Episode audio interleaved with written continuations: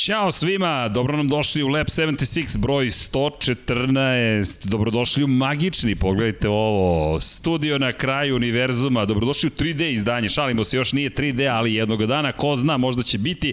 No, pozdrav za našeg Petra Perića, za Bogdana Brđevića i Vanju Milićevića koji rade ovu magiju. Zašto smo ovo pripremili? Pa, s obzirom na činjenicu da ovo najvažnija stvar koja se desila prethodnog vikenda, odatle i počinjemo zapravo priču o... O čemu ćemo da pričamo večeras? O Formuli 1 naravno i dobro nam došli u Sudar Titana.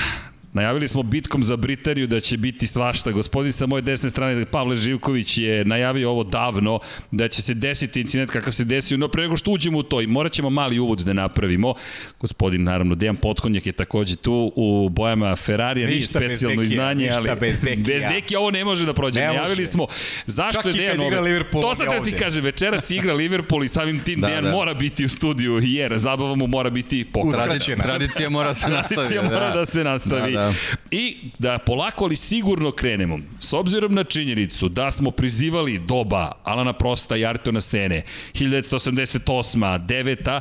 i te njihove duele, moram priznati, smo zaboravili kako je izgledalo između navijača u to vreme. S obzirom na činjenicu da živimo u dobu društvenih mreža, da svako od nas ima megafon manje više, što kaže moj brat, i da sve što kažemo se čuje, odjekuje i da se vode razne polemike, nekad glasnije, nekad manje glasno, ali vrlo agresivno ponekad. Ja vas molim da otvorimo večerašnji Lab 76 standardnom porukom, a to je mazite se, pazite se, vozite računa, vodite računa o jednim drugima, I vo- vozite računa o vozite jedni i o računa. drugima. I Vanja, može, može ono, ono, ono naše, Ovim ćemo da počnemo večerašnji Lab 76 pre nego što uđemo u priču o Lewisu Hamiltonu, Maxu Verstappenu, šta se desilo, ko je kriv, da li je kriv, zašto je kažnjen, nije trebalo da bude, trebalo je da bude, iznesemo naše mišljenje, saslušamo vaša. Vanja, udri. Ovo je jedan od najlepših momenta. Ja vas molim da iskoristim ovo, da se podsjetimo one lepe strane Formule 1.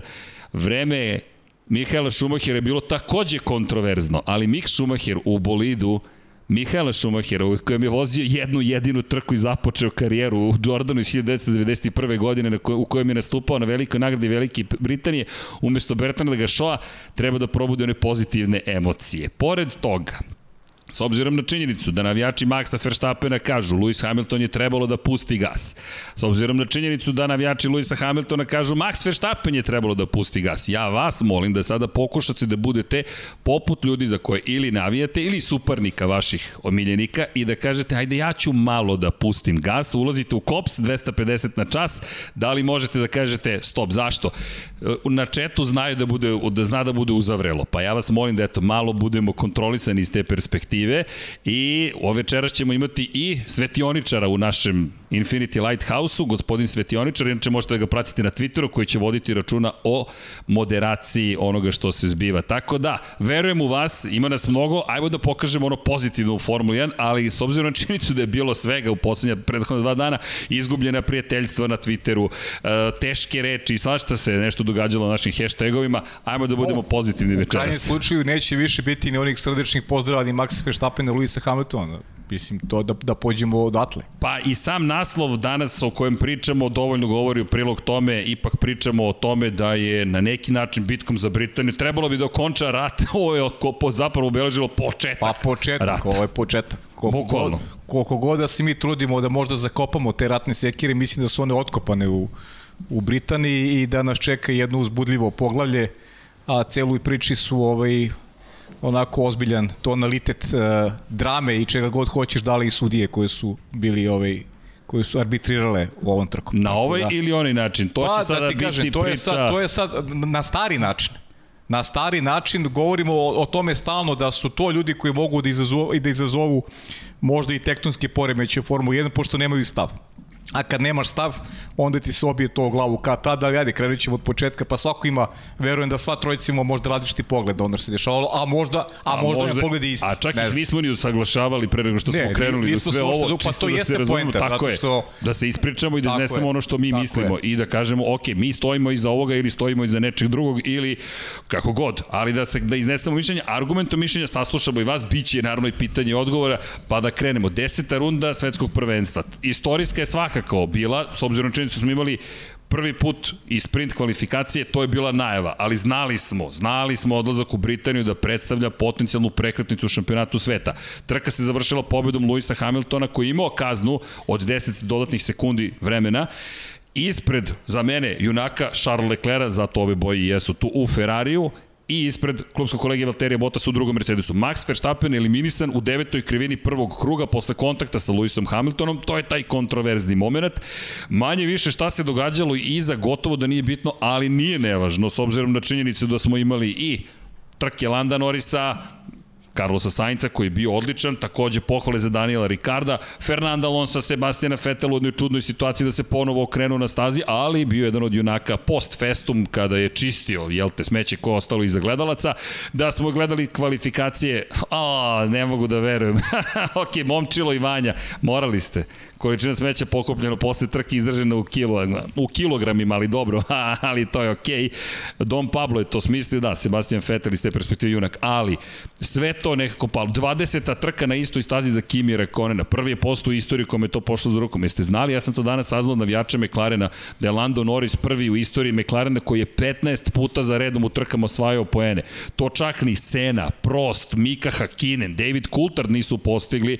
Tako da dosta istorije da je Max Verstappen postao prvi vozač u istoriji koji je osvojio poene u trci u kojoj nije završio ni jedan krug i to zahvaljujući sprint kvalifikacijama, ali sve to je tako nevažno. Ljudi, o, kako uopšte da krenemo ovo? Vajmo start. Start trke, Max Verstappen sa pol pozicije posle sprint kvalifikacija, dueli prva, druga, treća, četvrta, peta, šesta, sedma krivina i osma izlazak na stari startno ciljni pravac, Jurnjeva do Kopsa, ulazak u Kops, jedan uz drugog, međutim na ulazku u krivinu blaga prednost, ne blaga, prednost Maxa Verstappena, ulaze kontakt, Max Verstappen ostaje bez zadnjeg desnog točka, odliće u barijere pri skoro 250 km h 51 sila zemljine teže je bio impuls udara prilikom kontakta sa zidom, to je u hibridnoj eri drugi najveći incident, jedini veći incident po tom parametru je incident Romana Grožana prošle godine u Bahreinu. I ste videli video što je Red Bull izbacio? Kad ga pitaju da li je okej? Okay. Da. On čuti nekih 5-6 sekundi, ne odgovara. I samo se čuje. Samo se onda čuje uz uz onaj bolni onako usklik da poči, počinje nešto da govori. Znači ono je stvarno da se čovjek naježi. Ono je, ono je trajalo, znači to je stvarno mnogo. Ja, ja, ja se nećem da sam vidio tako nešto, mislim, od, ok, ono Roman Grožan, to ne može se meri ni sa čim, ali, ali ovo je posledica, posledica udesa na, na, na, na stazi. Ali moment gde on uh, samo pro... Uh, ok, da, da. to je ceo, ceo komentar koji, koji je imao posle incidenta. Uh, koji blago rečeno će možda defini, već definiše ovogodišnji šampionat. Sad u kojoj meri to ćemo da vidimo. Od ishoda na kraju sezone će zavisiti da li ćemo pričati o ovome kao nečemu što je odlučilo ili kao nečemu što je moglo da odluči i otvara baš mnogo pitanja. Ajmo da krenemo od onog najtežeg pitanja. Kako vama izgleda incident? Kako vi vidite i kaznu i ono što se dešavalo i da li je trebalo da bude kažnjen Hamilton? Ako je trebalo, da li je dovoljno kažnjen?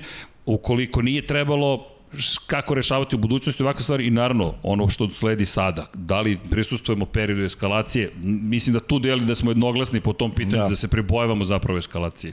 Deki, Pa, znaš kako, ako je do sad nekakve diplomatije postojalo između dve ekipe i dva vozača, mislim da od, od, od te osme krivine toga više nema. Jednostavno, to je, sad su rukavice skinute i mislim da ulazimo u neki, neki okršaj do kraja sezone kakav smo možda i svi priželjkivali sve ove godine ove hibridne ere, ali evo dešava se bukvalno na završetku jedne ere dobijamo nešto što je možda po, po tvorcima čitave te tehničke priče u ovom periodu trebalo da se desi ranije, ali evo tek pojava Maxa Verstappena i Red Bulla na nekom vrhunskom nivou u stvari dobijamo tu priču da, da Lewis Hamilton na ovom nivou dobija jednog rivala. Što se tiče samog incidenta, mislim to ću odmah reći, a, a podsjetit ću i, i na kraju kad završim svoje ovaj, obrazloženje čitave situacije, ovo je po meni trkački incident. Znači, to je, to je onako neki zaključak. E sad, ko je, ko je kriv, tu sad treba ući u dublju analizu, zato što mora uvek da postoji neki okidač koji je doveo do toga da se, da se ovakve situacije dese. Ali, generalno, ovo je trkački incident i, i što se toga tiče, ja bih tu završio, što se tiče kazni, ono što je Paja rekao, pričali smo i, i, oko toga i, i, i pre, pre emisije, jednostavno ovaj, ne znam, sudije su pokazali da, da kriterijum neki ne postoji i sad da mi stavljamo na tas da odredimo da li je tih 10 sekundi relevantno ili nije, pa da uporedimo sa nekim drugim situacijama, mislim da bi to i su više dugo, dugo trajalo i to jednostavno ni, nisu, nisu neka adekvatna merila pre svega što smo pričali i ranije, jednostavno staze, e, konfiguracije samih staza nisu iste u smislu tih izletnih zona, negde je šljunak, negde nije, negde je asfalt, negde je mnogo je, mnogo je različitih ovaj, situacija da bi to moglo na taj, na taj način da se meri, tako da, da u to uopšte ne bi ulazio, jer verujem kakva god da je, da je ovaj, kazna za Luisa uh, Hamiltona uh, bila ta situacija koja je, koja je dovela do, do, do udesa Maxa Verstappen uopšte nije bila naivna, ali uh, jedna stvar je ovaj po meni na neku ruku ok, ono što su sudije rekla da jednostavno te, te posledice koje se desa posle incidenta ne, ne mogu da utiču na odluku ovaj, ko je kriv za sam kontakt. E sad, što se tiče ovaj kontakta, sad možemo, hoćete da ja nastavim ili da, da, da, pa ne, da, da, da krenete, da, ajmo, ajmo da krenemo da, god. evo, znači što se mene tiče, ovo je trkački incident, eto, to je Što to se je mene to. tiče, uh, nisam sudija i nikad ne bih preuzimao ulogu onoga ko je sudija, ali ako su sudije odlučile da, da je Lewis Hamilton kriv, a mislim da po onome što što smo videli i pogotovo kada smo gledali na kraju trke gde je bio Max Verstappen za više pola bolida ispred Luisa. Ja mislim da Lewis Hamilton ne bi onako nikad reagovao nekoj drugoj stazi. Da nikad onako ne bi reagovao u situaciji u kojoj je bio prethodnih godina. Pet izgubljenih trka za redom dolazi na svoju stazu. Sećamo se šta je bilo u kvalifikacijama, tačnije u sprint trci. Posledica sprint trke mislim da se osetila u trci jer on je bio svestan da samo u prvom krugu može da pobedi Max Verstappen. Pa sprint trka je bila zagrevanje, u stvari njihovo, Tako njihova je. analiza šta sve može da se desi Bukvalno. u trci. Da. Lewis Hamilton je o, o, onako, o, misli da ni na jednoj drugoj stazi ne bi odreagovao onako kako odreagovao u najbržoj krivini u šampionatu Formule 1. Da ne pričamo o tome da je Max Verstappen u toj situaciji bio ugrožen i život. Kazna ko kazna. Mislim da nijedna kazna, pričao sam o tome i u Austriji ne može Sergio Perez da ometa na, a, tokom trke dva puta kažnjen čovek da ometa Charles Leclerc na, na isti način. Ima 5 sekundi kazne. Izvoli a, e, stop and go kazna ako si Skloniš ga sa staze, tako je. Skloni ga sa staze ako, je. ako je kazna. A, a, pogotovo u priči, pa Max Verstappen, da, da je Lewis Hamilton završio u ogradi, kao što se dogodilo Max Verstappen, i Max Verstappen bi dobio trku sa 10 sekundi kazne.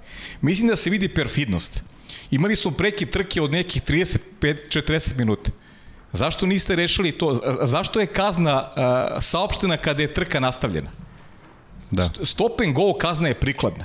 Mora da se napravi neki ekvivalent, da se napravi neka razlika E, mislim, ovde je ljudski život ugrožen. E, mislim da od toga treba, mora se pođe. Pritom, kakvu poruku šalješ? Kakav instrument u rukama daješ Maxu Verstappenu za nastavak sezone?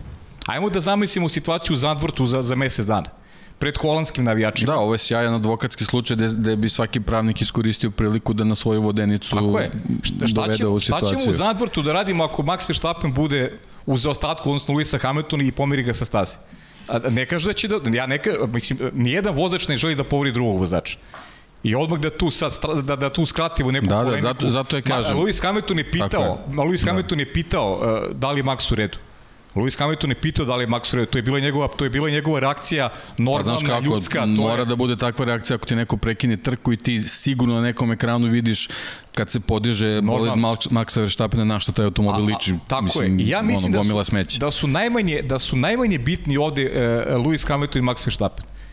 Problem je uh, nedoslednost u, u sprovođenju odluka, nekada, ono kad smo mi, mi bili klinci, ovaj incident mi ne bismo ni razmatrali, mi bismo danas pričali o tome uopšte. Ovo bi bio klasičan trkački incident u kome mi danas ne bi polemisali. Ali postavljeni su neki novi trendovi, stavlja se akcija na bezbednost, zna se šta, se šta sme, šta ne sme, ali ako si ti odlučio da je neko kriv za incident, pa ne možeš da ga kazniš ovako. O, to nije kazna. Ti ga nisi kaznio. Ti si njega pustio da pobedi u trci. Ako ga kažnjavaš, mislim da je stop and go kazna prikladna ne samo za Luisa Hamiltona, nego za svakog vozača ko, za koga su sudije procenili da je kažnjen. Moraš da ga skloniš sa staze. Ne samo to, nego u modernoj Formuli 1 da imaš ovolike razlike između ekipa i bolida. 10 sekundi kazne Lewisu Hamiltonu nije isto kao 10 sekundi kazne Miku Schumacheru. Tako je. Tako to nije ista kazna. Znači, ako već imaju vremenske kazne tokom trke, onda treba da se uvedu neko, neki koeficijenti u odnosu recimo na poziciji u, na tabeli u plasmanu konstruktora. Ali... I onda 10 sekundi, izvini, uh, Luisa Hamiltona bi možda bilo 30 sekundi sa nekim koeficijentom. E, onda možda, možda ima smisla. Znam. Ovako nema. Ali, ali ljudi, onda, ali onda idemo baš protiv onoga što smo mi sami pričali, to jeste Formula 1 kakvu poznajemo. U suštini onda ćemo još više da zakomplikujemo. Pa da, ali ako su već krenuli sa, sa takvim nebulozama, onda, onda bar moraju da, da ih, do kraja. da ih dovedu, da, da budu bar transparentni i jasni, jer ovako je potpuno nejasno. Da, ali, ali vidi, vidi, sad tu ima, ima tu par stvari. E, dobijaju, ljudi su dobijali kaznu od 5 sekundi za slične incidente. On je pa da li, šta je, koji, koji su to uh, tegići na vagi koji odlučuju šta je 5, šta je 10 sekundi? Pa vidi, to je sad, ali to je ono čuveno pitanje. A mi, mi u MotoGP smo videli, rigorozni ćemo biti od ove godine, ako staneš na zelenu površinu, senzor se oglasi, oglasi ti si kažnjen. I sad, s jedne strane, to nam smeta po, negde... To je jedna stvar, to je kršenje pravila. Ovo nije kršenje pravila. Ali ako ni, zašto si onda kažnjen? Ovo je opasna vožnja. Aha. Kršenje pravila i opasna vožnja su dve različite stvari. Ali ajmo na, ali ajmo na početak. Da li je, ok, to je Paj objasnio, sad u ovoj modernoj eri to se smatra prosto opasnom vožnjom. Ranije se to ne bi smatralo. A ne, ne bismo ljudi... pričali o tome pre 20 godina uopšte. Ali, ne bismo pričali šta su radili Sena i Prost. Kako se pa ponašali pa, Sena i Prost? Suzuki samo. Pa, mnogo, Tako je. mnogo više od toga, pogotovo druge Suzuki. Druga, druga, druga, druga, za drugu Suzuki priča. direktno udari u Sena je u izjavama pre trke bukvalno najavio da će to da se desi. I, i sad, Jest, a kada već da, pričamo... on je bio u ratu sceni, sa celom film. Ali vidi, moramo je... da, da, da, da, da, da isegmentiramo stvari, jer sad doći ćemo na, na tu situaciju gde Max Verstappen sutra može da kaže, ok, ovo su sada pravila igre koje smo definisali. Da, 10 sekundi. Oni tako i shvataju tako to. Je, tako ja verujem da u Red Bullu Sigurno. to sad tako i shvataju. Samo tako i shvataju. To je to. 10 sekundi dobijam ako čovjek izbaci sa staze, ok. 10 sekundi nije skupa kazna.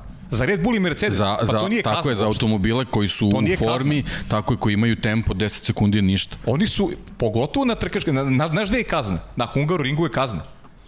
Ali na Spa Frankoršampu, u Monci, ali, U Silverstonu to nije kazna. Ali ljudi, ali kako sad to dovedeš koeficijent na osnovu šta? Prosečne brzine, koeficijent uh, trajanja kazne koju ćeš dobiti. Pri čemu uh, dobio je čovjek kaznu, ne kažem ni da je trebalo više ni da je manje, samo pričamo o onome što smo videli i onome što jesu pravila. Kako će kako da sad da uvedemo arbitražu po tom pitanju? Ti kažeš, ok, pošto je ovo Lewis Hamilton, ne znam, on je drugi u šampionatu sveta ili ima sedam titula ili šta god da je koeficijent, on će biti kažnjen sa više. Uh, pri čemu E, zlo, e, zločin. Ono što si učinio, mora, da, kazna mora da odgovara tome što si učinio. Izvini, znaš, znaš čemu je recimo ekvivalent kazni Formuli 1 prema Moto Grand Prix ako smo ih već ubacili? Da. Dugi krug. Dugi krug, tako je. To je ono što je znači, Baja jedan pričao. ili dva druga kruga i to je to to već onda možda može da ima nekog smisla. Ali to bi Ovako, opet to u Formuli 1 možda bude drive-thru. Da, ti možeš da staviš I zapravo to to. više prolazaka ili nekad bude dugi krug, ali ima neko trajanje. Pazi, ali... drive, drive-thru u Silverstonu bi njemu završilo trku.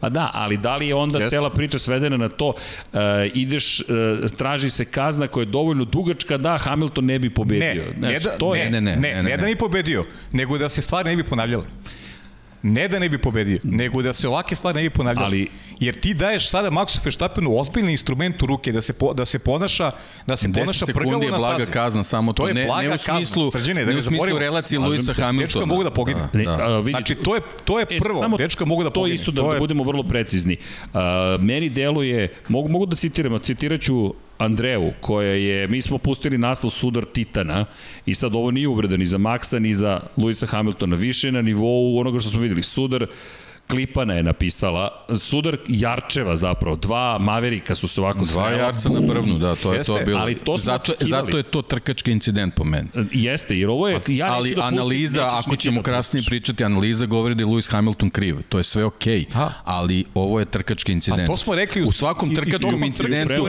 uvek neko mora da bude kriv, ali to Jeste. nije merilo Ni za šta, ali već ako kažnjavaš, kazna mora da bude adekvantna, a ne da bude bezbolna. Tako je. Zanimljivo je, e, postoje sad i različita mišljenja. U kontekstu toga da, naravno, postoje različita mišljenja. Neki smatruju da je Max Verstappen morao da pusti praktično u momentu ne, kada je... Ne, ne, ja smatram ne. da to nije moguće. Zašto? Zato što je on, postoji dve, razli, dve stvari. On brani poziciju. Tako je. Dakle, po pravilniku čak njegova je prednost u toj situaciji. E sad, ima kontraargument, ali koliko puta je Max Verstappen nešto slično učinio. Ne, ne, ne. Mnogo, to je... ali to nije poenta ovog incidenta. Ne može na osnovu istorijata... da Niko, Tako niko je. ne seda u boli tako što ima neki ranac na leđima vezano za neke stvari koje su se dešavale u prošlosti. pa to je taj to se, sa- to jednostavno Petilom. nije, nije slučaj. se toga, to. Apsolutno. Mislim, Šta- znači možemo da pričamo, ne znam, evo u ovom trenutku, ako možete, ako se slažete, da razložimo na, na segment čitavu tu priču Jest, vezano, tako je vezano za tu krivinu, a je možemo da krenemo sa Maksom. Znači svako može da vidi snimak gde se vidi da, da na starom startnom pravcu Lewis Hamilton, tako se zove, Ne, ne, e, ne, ta- ne, ne, to novi pravac. A novi, izvinjavam se. Ja sam mislio da je stari dobro. Nije, nije, izvinjavam nije na svom pravcu. Izvinjavam se. Ove, znači vidi se, prvo se vidu, vide pokreti kacige Maxa Verstappena, Koji gleda gde, retrovizor. gde s- je nekoliko puta pogledao retrovizor uh, gde je Lewis Hamilton i u trenutku kad se približavaju krivini jasno se vidi pokret volanom u levu stranu gde ostavlja dovoljno prostora Lewisu Hamiltonu da prođe. Zašto nije trebao da popusti? Iz prostog razloga što je krivina takva, vrlo nezgodna, izuzetno opasna i ako u njoj izgubiš momentum, sledeće tri krivine koje su ključne, koje si milion puta spomenuo u prenosu, Megoc, Beckett, Čepel. on bi, on bi na kraju na izlasku na, na, na hangar pravac bio 3 sekundi za Luisa Hamiltona. Znači, to je bio jednostavno trenutak gde on kao vozač koji je na, prvo, na prvom mestu tako u tom trenutku bira svoju putanju. Samo dve mogu da budu. Jedna je njegova, druga je od Luisa Hamiltona. Pri tom se jasno vidi da ostavlja dovoljno prostora Luisu Hamiltonu. Jeste. I po meni tu se završava sva priča oko Maxa Verstappena, da li je trebao drugačije ili ne način kako je on ušao u krivinu, kako je krenuo da uhvati teme krivine je bilo potpuno regularno, ve, veoma džentlmenski i jedini mogući način da ostavi brzinu sebi da bi mogao da prođe kroz Megos, Bekec i Čepel na pravi način da bi imao brzinu na, na hangar. Hamilton Pri tom ne smo zaboravimo, još dva bolid, metra ima. bolidi su puni, nema DRS-a. Znači, veoma ključan trenutak za Maxa Verstappena i njegovu trku. A, vidi šta si popio. Zahvaljujem, zahvaljujem. Me, mim si postao. Da, da. To ne smemo da zaboravimo. Sjajno. Čekaj. Mnogo govorim to. Ne, ma Mnogo ne, puta. čini ti se, ma ja, No, ma uopšte ne pojma. spominješ, ma ne, ni, ni, ni hiljadu to ima. puta A to po je ono podcastu. kad je rekao ne smemo da zborimo da je Liverpool bio prvak Evrope. Nikako. Da, ako vas dvojica kažete, Da, to je rekao. ja Da. ću A ne, ja nek da to on kaže. Vidi, više ja. puta to ne smemo da zaboravimo. Više, više puta. Koliko tačno? Pa ne znam, ima to koji broje. Da, Ali, neću da, da, da, brojevi nisu da, važni. Da, nisu važni, nema Nisu veze. zaista. Da, i, i još jedna bitna stvar, a pa ko zna šta tebe čeka, ali dobro, polako. Spremi se, svak meni su odavno brkove, ja sam i brkove dobio. Ali, ali Pa kada i nosio govorimo... si ih, šta hoćeš. Pa jesam, s ponosom i novembar kad stignem nosit ćemo, po- nosit ću ponovo, nosit ću ponovo. Ovi, ne znam da li će se još neki uključiti u, u, u akciju, ali Max Verstappen pomera se levo, skreće desno, ima, ima taj jedan moment, ima jedan, mnogo komentare zašto je skrenuo desno. E, Ne, ne znam gde da skrene, krivina je u desno. Ima još jedan moment, da biste zadržali brzinu i da biste iskoristili aerodinamiku bolida kako treba, vi morate da budete na gasu. Suština Formula 1 je da funkcioniše Ma, samo nema, nema brzinama. spora nikakvog da neko gleda u retrovizor i pušta gas ili se sklanja. A, imamo istu situaciju, mislim sličnu situaciju sa, sa, Sa Leclerom. Leclerom. Tako je, čovek koji je prvo u situaciji gde mu je drugo mesto ravno pobedi gde je vrlo svestan da ga Lewis Hamilton stiže, on pušta Lewisa Hamiltona na način kako je neko pomislio da je Max Verstappen trebao da uradi. I šta se desilo? Šale se ljudi, kaže, izabor je život. Ali, ali šta se desilo? To bi se isto desilo i Maxu Verstappenu da ima dovoljno, da nije dobio, do, da nije mislio da će dobiti dovoljno brzine na izlasku iz te krivine. Upravo to isto. Isto bi ga onako Lewis Hamilton obišao. Znači to jednostavno nije bila opcija za Maxa Verstappena i nije ni trebala da bude opcija, jer on je bio na prvoj poziciji. Udarac Luisa Hamiltona prednjim točkom u, u Maxov zadnji jasno govori ko je, ko je na kom mestu. Što se tiče Luisa Hamiltona, a, njegova pozicija pred ulazak u krivinu je bila takva da on jednostavno nije mogao da uhvati teme krivine na način kako se hvata tim unutrašnjim putem. Mislim, jednostavno ta krivina se ne prolazi na taj način. On je, on je bio na tom mestu i jednostavno je sigurno dobio neko podupravljanje Tako koje, koje je krenulo da ga podupravljanje vuče. Ali vidi se pod Pri upravljanjem. tom, ponovo u duelu sa Charlesom Leclerom gde je Charles i više nego ostavio prostora Lewisu Hamiltonu, Lewis hvata temelj krivine i Savršeno. prelazi preko ivičnjaka na savršen način kako se prolazi krivina da bi imao momentum za sledeće tri krivine. A i čak i tad, Apsolutno Leclerc se sve vidi. je sišao sa staze, on imao kud. Tako je, zato što ta krivina tim načinom ne može da se prođe. To i Max da je uradio isto bi tako završio.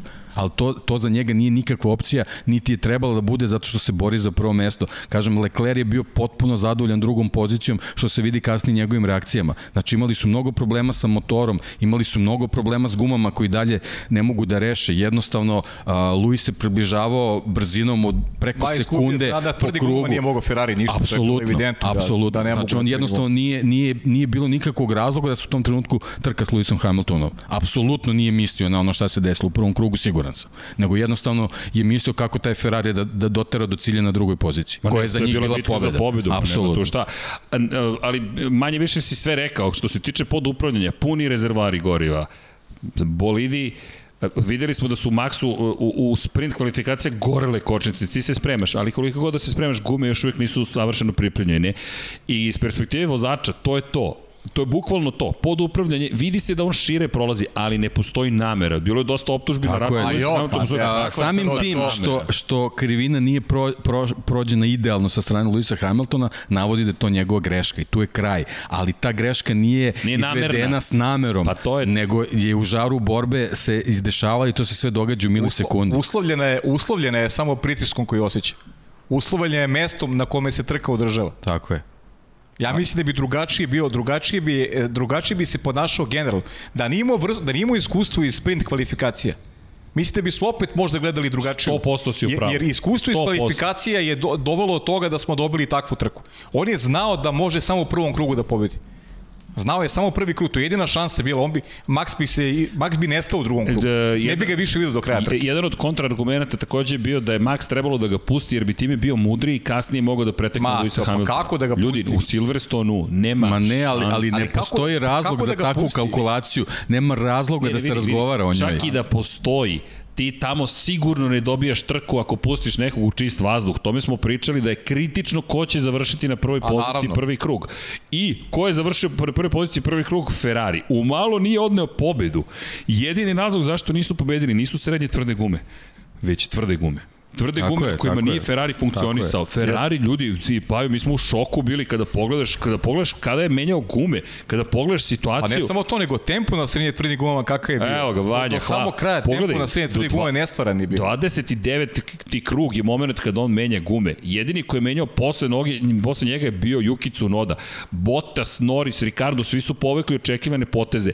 Hamilton je najduže čekao, ne bili nekako uspeo da, da, da se približi Ferrari. Ham, Hamilton na tvrdim gumama imao sekundi i više po krugu Pogledaj, vreme od pogledaj od prosečan tempo na žutim gumama. Charles Leclerc je bio najbrži na stazi. Mi nemamo o čemu da diskutujemo. On je pobedio sedmostrukog svetskog šampiona na njegovoj stazi u Pa Mercedesu. dobro, da, pobedio ga je na srednje tvrdim gumama. To- Na srednje tvrdim. Zato crvena majica jeste tu. Mislim da je Ferrari neverovatan vikend imao i, i da, da ne, ne, nećemo pričati dovoljno verovatno o tome zahvaljujući svemu što se desilo, ali Pa nećemo, zato što je, zato što je ovo, ovo je Ovo ozbiljna je- tema, ljudi. Ovo, ali- je, ovo je ozbiljna tema najviše, ka, ja, ja, sam to, ja sam to rekao i, i, i toko jučerašnjeg dana čekaj, i b- popularan si, vidio sam te u studiju juče. Da, post festum cele priče mislim da je, da je ono što će se dešavati e, kasnije. Kakvu poruku su poslali ljudi? Znaš, prvo, prvo, da, ta borba koja se vodi izvan staze, bi- bilo je degutantno slušati one poruke Tota Wolfa šalje mail e, da ti da ti pa šaljem ti pravila, znaš, on šalje pravila tokom Lobiranje, trke, da, lobiranja da. koje su koje su užasne. Ali čekaj, da li si dobio koje, moj koje, koje nisu dosledne. Znaš, to je, znaš, a, pazi, sve, sve smo se složili apropo incidenta i kažem ti, ne, ne, bi ga, ne bi ga apostrofirali u neko drugo vreme. Vremena su drugačija, vozači se kazna, kažnjavaju.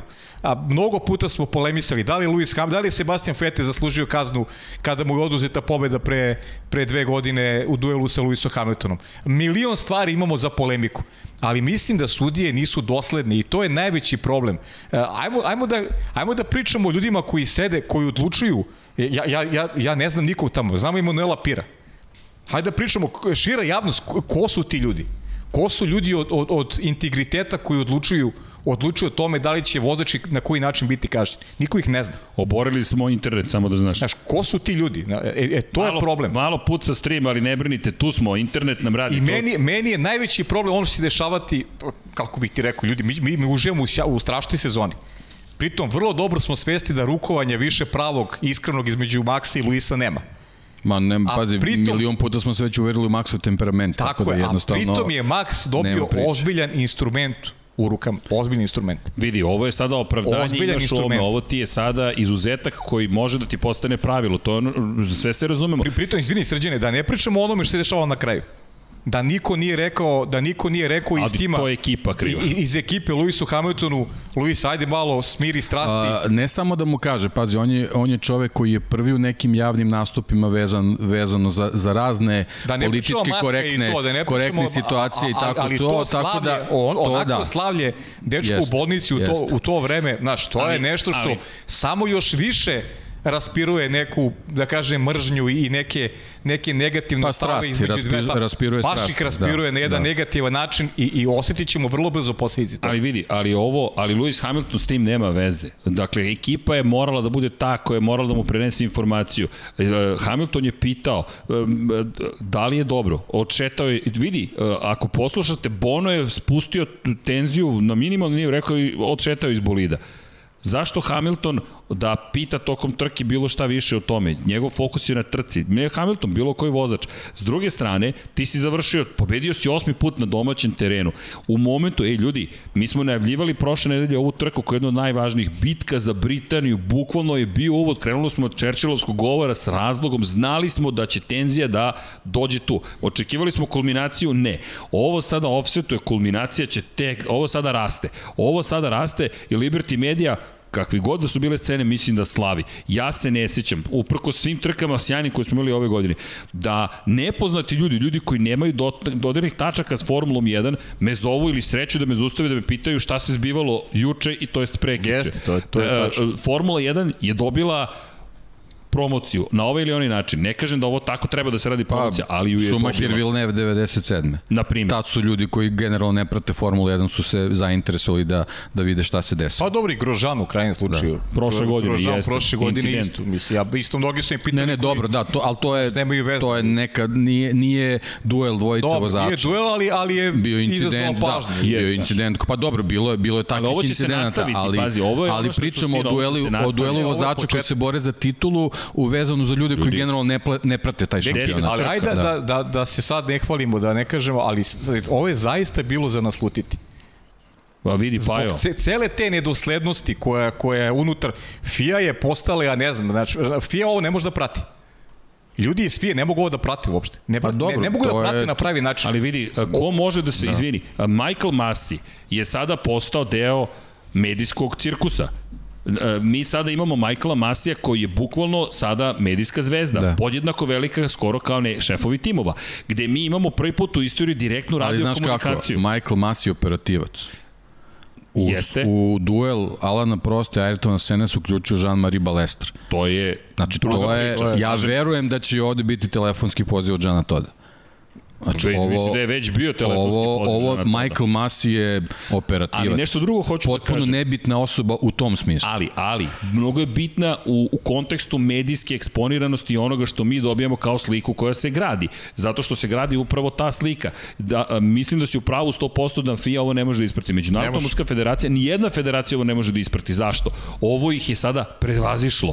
Šta se događa? Imamo prvo poziv, bukvalno telefonski poziv, Christian Horner. Ćao, Michael, imaš malo vremena? Imam, reci. Imaš minut za mene? Imam.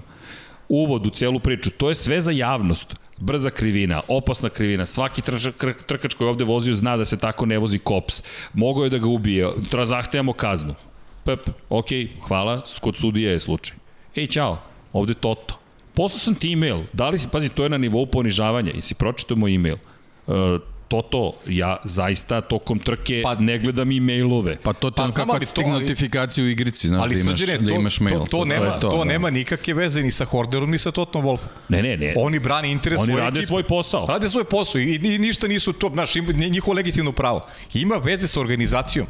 Ima veze pa, sa ko autoritetom da ljudi sada- koji tu sede. E pa, o E, tome se ko radi. može ovim da ovlada E pa, sada? treba nam autoritet koji vidi, to može da krizna, ovlada. krizna je situacija. Michael Mas ima apsolutno pravo da ugasi sa veze Tota Wolfa Znaš i, ko i, i Hornera. Znate ko nedostaje? A dobro, znam što hoćeš da kažeš, znam, ali... Charlie Whiting. Zamisli Charlie-a da zovu. Zato ti kažem, uh, Michael Masi je običan operativac. Znači, Michael Masi je momak Mislim da je čak 76. godište, čini, Da. ili 79. čak. Sigurno nije 76. Da, ovaj, znači momak koji je to, to je pričan, jednostavno nema, nema autoritet kakav bi trebao da ima za čitav možeš da priču. imaš- Charlie Whiting je čovjek koji čita svoj život bio u Formuli On 1. je proveo s Bernijem proveo dane. On je izgradio Brabham. Izgradio Brabham i Pre pored, svega. Tako, i A- pored a toga pored toga izgradio Formulu Formulu 1, 1. tako je. Ali ti njega Tako kad je. pozove Horner, Horner je žutokljunac za njega. Tako je. Toto da ga pozove isto žutokljunac. Momci, super je što vi opravdate vašim timovima. Ja sam Ja prevazišao. da vas ugasim, pa tako, tako je, to je vas i drugo, nemoj da se šalite, To je to. zato što, da, lobirajte, ali zna se čija je poslednja. I imam autoritet da vam kažem moja je poslednja. Pogotovo u Bernijevo vreme. U Bernijevo vreme je tek imao mogućnost. Ali okej, Michael Masi prosto samo hoću da kažem da je sada to sve deo cirkusa deo, deo, deo, deo spektakla. Pa da, deo spektakla nije na tom nivou. To je, Nije na to tom, je da, on to ne problem. može da A, isprati, pa to je to je ono što problem, Paja to je to. kaže upravo. Ti ne Mislim, možeš da mogao je. Znači, on je, ovo je bila isto situacija Isto za da njega gde je mogao da Bravo, postane rekao. ozbiljan lik Samo, u čitavoj samo priči. prekineš, prekineš poziv i to je to. Tako je. I kažeš... I završiš priču. E, Ja da. odlučujem, ja, s- s- Posebno, posebno zato što je bila situacija da je nekom bio ugrožen život. Tako je. Znači, apsolutno ne postoji nikako, a, nikako obrazloženje koje mora nekom da daje zašto nekog isključuju iz priče dok, dok taj neki sudijski organ ne donese odluku. Samo poruka, obićite obavešteni šta smo odlučili. Doviđenja prijatno. I to I je ti to. tako ističeš autoritet. Tako, Tako je. Pa neka se Ovo je bila sutra. prilika za taj autoritet. A e, pa koji nije, upravo nije je to problem. Neiskorišćena prilika i sad ulazimo u, što se kaže, nepokošeno. Sad ulazimo u nepoznat teren. Ulazimo u nešto što može da iskoči iz, iz nekog i kodeksa sportskog i nekog ponavlja. Ja, ja sam pitao, znaš šta, znaš šta mi ključe pita? Šta će biti u Zandvortu za mesec dana? Ne, ma ne samo za Andvortu. Ja, Re- Hungar na Hungaru ring biti. A već, već Pre- kreće sledeći trg. Ajde Hungar, ali šta će u Zandvortu da bude? To je posebna Šta će priča. biti u Zamisli Zandvortu? kad Maksa ponese njegova publika. I, I to je sad reakcija, znaš kako, reakcija što, što svako brani svoje, znaš. Ti kad napraviš nešto loše, ti ćeš svoje da braniš. Kako ćeš da se ponašaš ako Max bude u poziciji Luisa Hamiltona? Da li će, Mercedes, da li će Mercedes kaže, ok, to je trkački incident?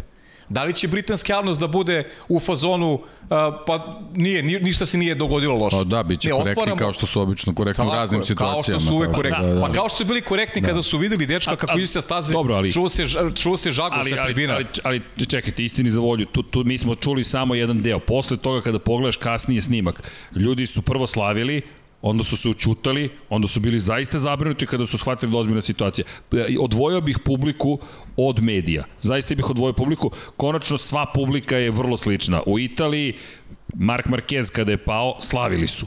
To, to se ne radi prosto, ali su slavili.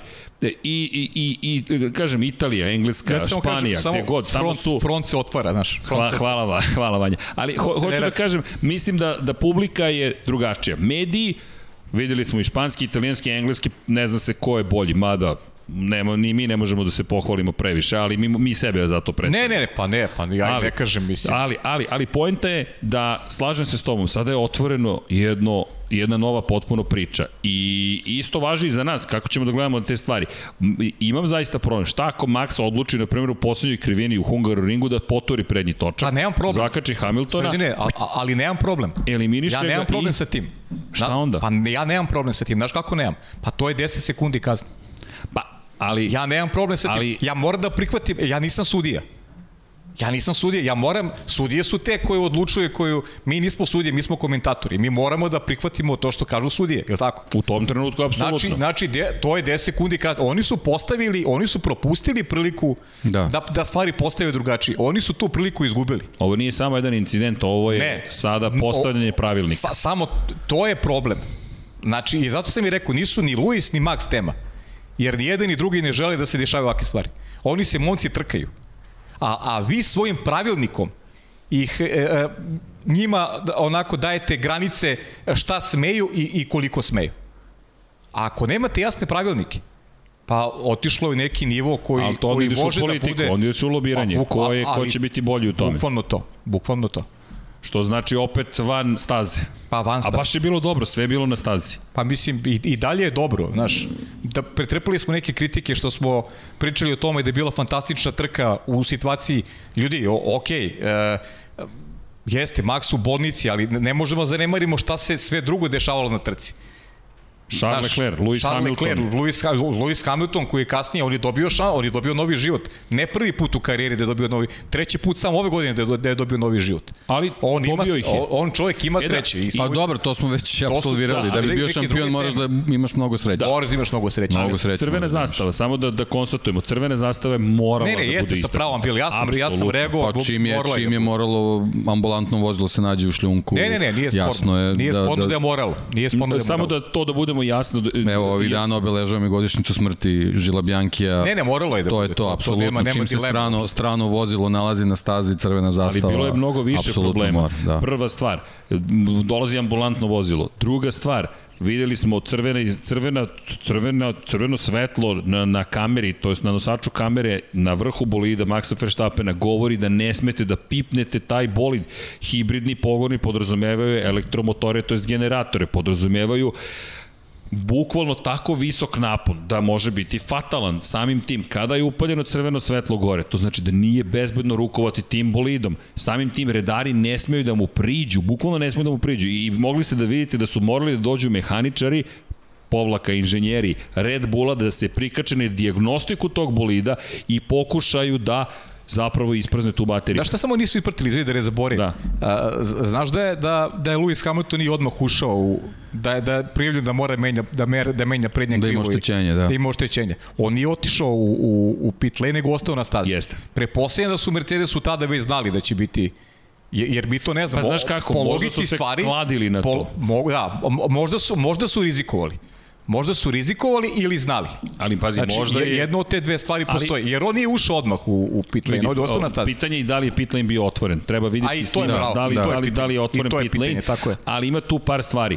Da Mercedes je izjavio da nije slučajno bilo crvenih zastava, bukvalno Lewis Hamilton bi morao, morao da odustane od trke.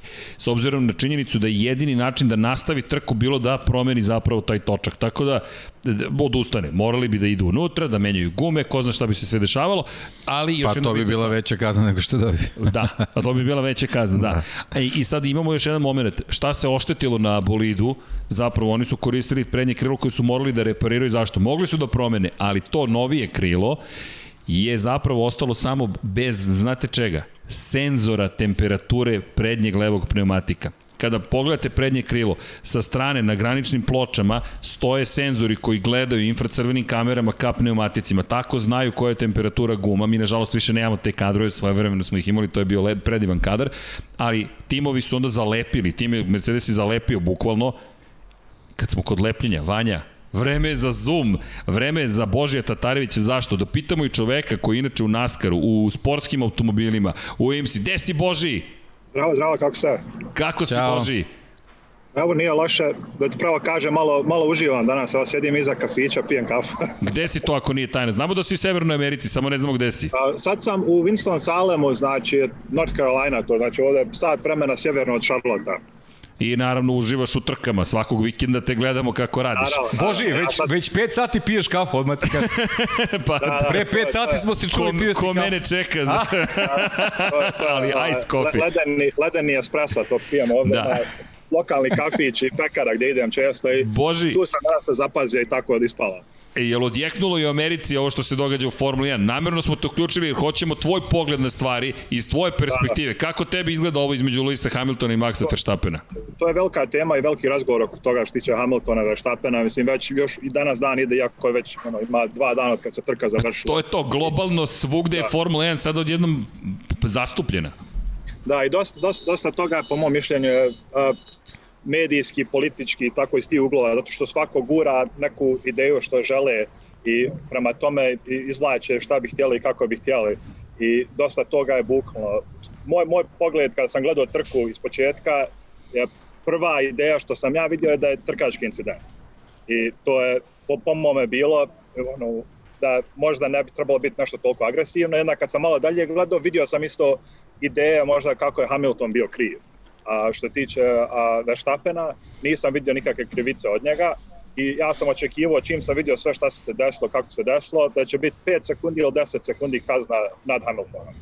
I to je, neki su ljudi uh, bili razočarani oko toga zato što mislili trkački incident, a drugi ljudi što navijaju za, za Maxa, oni vi- više misle da da ono možda je trebalo biti i, i neka jača kazna ili da neka da bude nešto još više dodatno da se Hamilton donese. Hvala Boži, dakle tu smo, imamo slična mišljenja.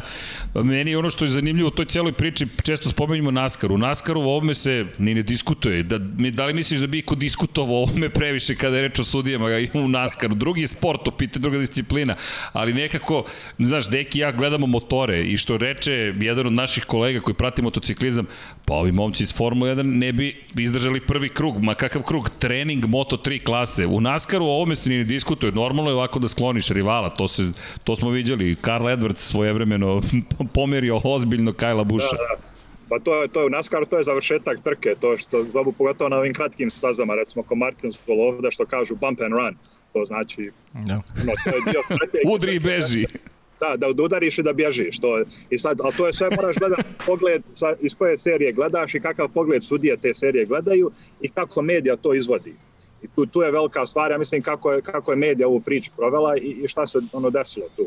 I ima dosta tu politike, ja mislim, samo, samo po mom pogledu kao neko ko se takmiči i koji se takmiči u raznim serijama trkačkim je čim se nešto desi na stazi, odmah ti koji imaju komunikacije sa nekim serije, sa tim sudijama i tako to, odmah počneš da guraš svoju politiku, da pokušaš da izvučeš što možeš najviše. Pa to je prirodno. To je, zbog toga je dosta to buklo, zato što ovim današnjim danom imamo toliko preglednosti šta se dešava i kako se dešava da bi onaj da možemo da vidimo šta se dešava među tim timovima i kakve komunikacije ima i šta se radi tu. Ja mislim kako je Red Bull i Mercedes i ovi ostali to su komunikacije pravili da je od toga dosta došlo da da se te buklo još više.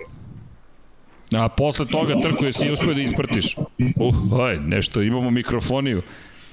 Da, a, da, pratio sam i mislim ono, poslije toga kako se stiče crvene zastavce i to sve, kako se sve izvelo, mislim da je to trebalo da bude tako i mislim da ipak ti 10 sekundi kazna da je ispalo fair i mislim da, mislim da je to trebalo da bude kraj toga, ali bilo je dosta dešavanja poslije što tiče ta politika što je gurala i, i kako se završila trka. I na jednoj strani razumijem što neki kritikuju a, Luisa, što je ono slavio završetak, a na drugoj strani znam šta se dešava na stazi i kako to bude. Znači, ako ima... Da, ali njemu ekipa nije ni javila to. Ma da, makar sam ovog pogleda, toliko se brzo stvar dešava, ja, onaj, kad, si, u, kad si dio trke. Znači, to dosta ljudi mene pita kad ja radim nešto, jesi li vidio ovo, jesi li vidio ono. Je, moj odgovor je da nisam. Ja dosta puta ne znam šta se desilo svi van mog auta šta se dešava, ja ne znam. Samo znam šta se dešava oko mog auta, jer to mi je fokus, tu radim. I tek poslije trke vidim šta se desilo na ostatku staze i gdje su ostali. Sad ako ima neki incident gdje je neko povrijeđen ili neko tu, inače vijesti stalno se obnavljaju, iako nema nešto a, da je javno onaj rečeno, inače se zna tu među ljudima, onaj timovima, ono, ti predstavnici, mehaničari, inženjeri, vozači, to se priča. I koliko toliko se ono zna one neke glavne informacije. Tako mislim da je nešto žestoko bilo, da je on imao informacije da je nešto žestoko bilo, mislim da bi drugačije reagovao. Ali što tiče toga kako se slavi, to je, mislim, standardno, to možeš ono da uporediš isto sa... Pa pogotovo kod kuće kad slaviš. Šta? Pa da. Pa, kod, pogotovo kod kuće. Stil. Kada možeš porediti to, sa, kad, baš kad vežeš Maksa ovde, kako kad je Grožan, kad je imao požar i kako se ta trka završila. To, je, to bi mogu reći da je dosta dosta jači incident bio je, vidio se kako se to završilo, bili su svi na podijumu i nije bilo uopšte razgovor o tome što su oni slavili na podijumu. I to je kajem, samo to je kajem, dosta se ovde priča se buknula i dosta politike ima i mislim da oko toga je to sad sve baš ogromna tema toga. I jedno pitanje, to je dva pitanja još. Jedno pitanje je kad se tako desi da, da između tvog vozača i još nekog vozača se desi incident.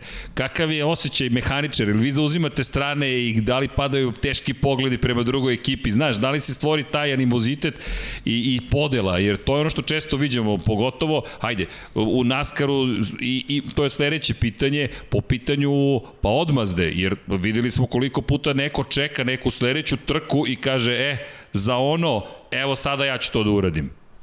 U, u NASCAR-u ima toga dosta. U NASCAR ima gdje se mehaničari, ovi pit crews i tako to, gdje se, gdje se ubace u te neke uh, svađe ili tuče ili tako to, ali što se tiče ovih drugih serija ne dešava se često. Pogotovo da, u IMSI baš redko. Seriji, mada, da su sportska auta, ali kod nas nisu u NASCAR-u su godinama budu mehaničari s jednim timom, a kod nas mijenja se često i dosta nas radi na, na na, pri, no, nije na privremenom, ali pod ugovorom od godine do godine. I dosta puta neko protiv koga se sad boriš, ja, bit će, radit će s tobom sljedeće godine. Eto, ja imam primjer sada kad smo bili mi u Lime Rock trkali se, prošle godine što je meni bio, što je tanko gorivo, on radi sad na Porsche jednom timu, znači ono, sad smo konkurencija, ali prošle godine smo radili zajedno. I opet možda ćemo sljedeće godine raditi ako pogodimo ugovor na istom timu. Tako, mislim, ono, sa našeg pogleda, mi nismo plaćeni da, da budemo telohranitelj za vozače, ono uvijek pokušaš da, da, da ono razvedeš ako možeš ili da smiriš situaciju, da ne bude nešto i gledamo jedni na druge. Sad ako baš neko je ono agresivan, ono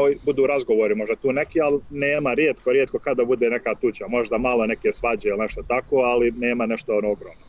Da, a mi se malo pribojavamo, jer sada ako si postavi ovo zašto, sad pitanje kazne, da li je dovoljno, nije dovoljna, da li ovo otvara vrata sutra Verstappenu da kaže, ok, mogu ja ovo da ponovim i dobit ću 10 sekundi kazne i to je to. Mislim da je to uvijek otvara vrata, kako god, kako god kaznu staviš za bilo šta, svi će ostali gledati, to će staviti obrani. Kogod radi strategiju za neki tim ili nešto, neka dešavanja ili čak i vozači, onaj, to, mislim, moraju, moraju da to uključe. Znači, ako ti misliš da će ti nešto da pomogne, to, to možeš odmah onaj, da, da, da uračunaš u svoj strategiju, mislim, ono, razmišljajući da li je loše ili ne, nije, Plan ali F. gledaš uvijek na to. Da, da, plan F. Ako ne uspe Da. A, B, C, D, E, imaš plan F i kao plan F i to je to. Pa da, jeste. baš Bože, tako. Šta da ti kažem, hvala ti, po milioniti put mi tako spopadnemo u pola dana. Boži, može da se uključiš, Boži, car. Može, dakle, može, super, to je taman, interni. I pričali Da, da. smo ove godine ćemo više da se družimo, tako da eto, taman Moramo, prilika. moramo. Ne, ovo je super, dobra kombinacija, ispala danas ima malo slobodnog vremena, tako morat ćemo opet da se čujemo, a ja baš Strava. ovo je sad trenutna tema, tako imao sam informacija da, da sam mogao brzinski da. Zdravo. Boži, puno ti hvala. Idemo mi dalje, imamo mi još tema, ali nadam se da se, pa i da se vidimo u neko doba, nešto tamo na jesen, zimu, da ti, da ti svratimo na kafu, eto. Može, može, ja, možda da se vidimo i ovde na nekoj trci zajedno. To ti kažem, a dođemo malo popijemo taj ice coffee. Može, može, ja kafa preporučujem, super je, a momci vama sretno. Znam da Hvala. imate još sigurno dosta razgovora oko ovoga, pa I- čujemo. Ima, Boži, čuvaj se, Boži. Svako Hvala, dobro. pozdrav, ćao. Ćao, Boži. Ćao, Boži. Ćao, Ćao. Eto, čuli ste i iz Sjedinjenih američkih država, ali ovo na kraju, surova realnost. Pa ako znate da vam nešto može doneti prednost, strateg to mora da upiše negde.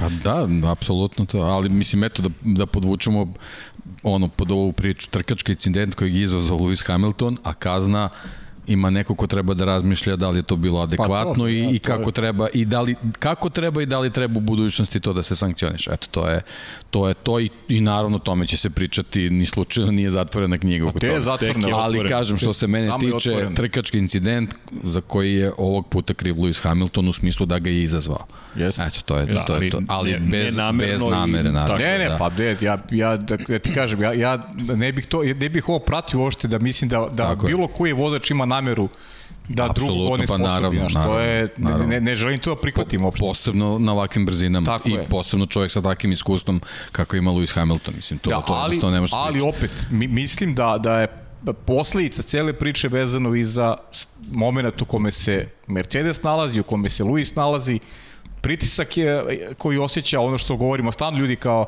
kakav crni pritisak, oni su kao, ne, osjećaju ogroman da. pritisak. U svakom Pogotovo slučaju nije se desilo ono terenu. što je Toto Wolff najavio da će pobediti se 30 sekundi prednosti. Ni slučajno, nisu Ne, bili ni blizu. nisu bili ni blizu. Poenta, poenta priče vezano, vezano za, za taj pritisak, a druga posledica o koja uopšte nije po meni ni malo ovaj, naivna i trebamo da pratimo kako će se to sve dešavati, to smo ti ja ovaj, pričali, 51G na taj automobil, tog automobila nema Ne, više. to si ti Nema. rekao, Luis, da. Luis uh, Max Verstappen imao savršen automobil u, u, u, u trkama iza nas, tog automobila više nema. On u sledeći trk ima novi automobil, novo šas. Videli smo sa Okonom šta se desio kad je promenio šasiju.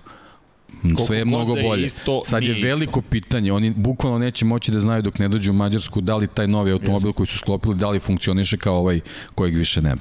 Pazi, a možda će biti i bolji. Možda će biti bolji, može to da se desi, ali može se desi da, da funkcioniše kao Perezov automobil. Samo da, ali samo da napomenemo da je Sebastian Vettel uvek imenovao svoje šasije, ne bolide kao Tako bolide, je. kao koncept, kao nešto što je verzija za tu godinu. Ne, ne, ne.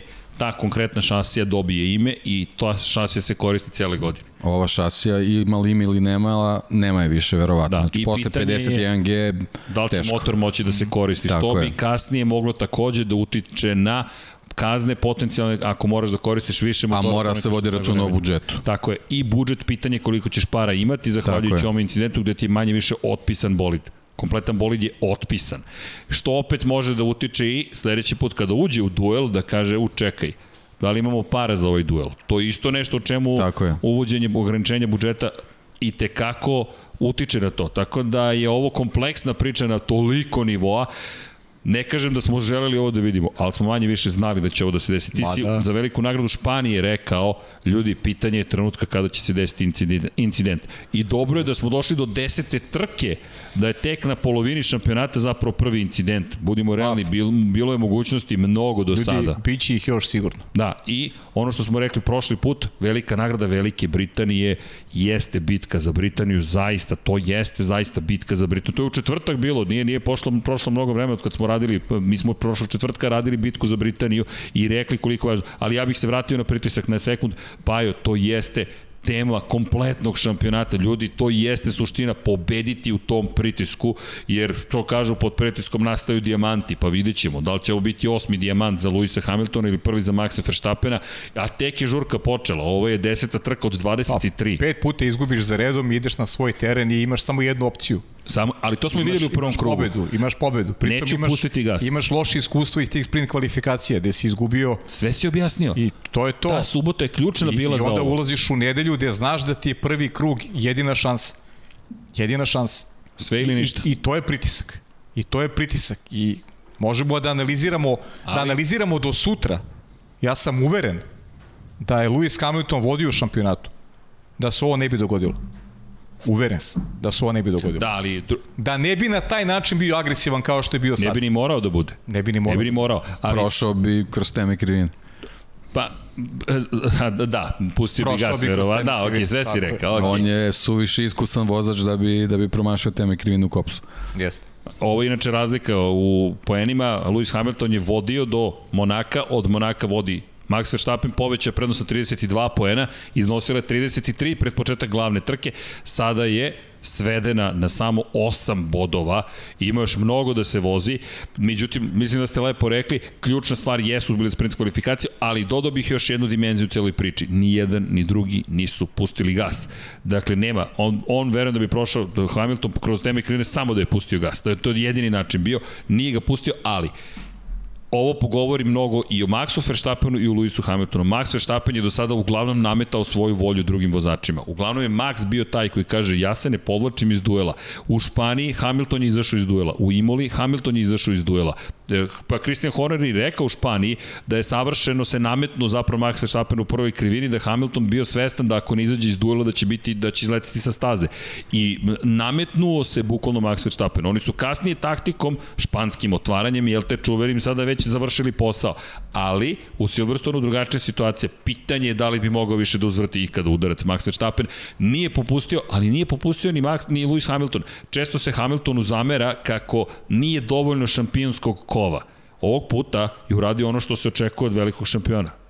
Rekao je ne, ja ne Pa popuštam dobili smo danas. ono što smo tražili. To Tako je, je. to. Manje To je više to. smo dobili. Samo što ovog puta u Kopsu je to ugrozilo nečiji život. Bilo koja druga krivina, ja mislim, u celom šampionatu, možda da pričamo o Spa eventualno, tamo da su ovako nešto izveli, bismo bili zabrinuti. Svaka druga staza, ti u Mađarskoj nemaš mesto gde možeš ovakav incident da izazoveš. Bukvalno nemaš. Kops je jedna od tih krivina. Ali, okej. Beš sad ne smo- mogu da se setim 90, 90, 91, sad više nije ni bitno. Sena je Bergerina ni nije lansirao u šikani na Hungaroringu. Da. Sećaš se to? Jeste. Znači, osvajao je pozicije tako što ih je lansirao. Da, na sličan način. na sličan način. Prednjim točkom u zadnji i to je to. Naravno, tamo je šlju, onaj pesak kao za, za decu igranje.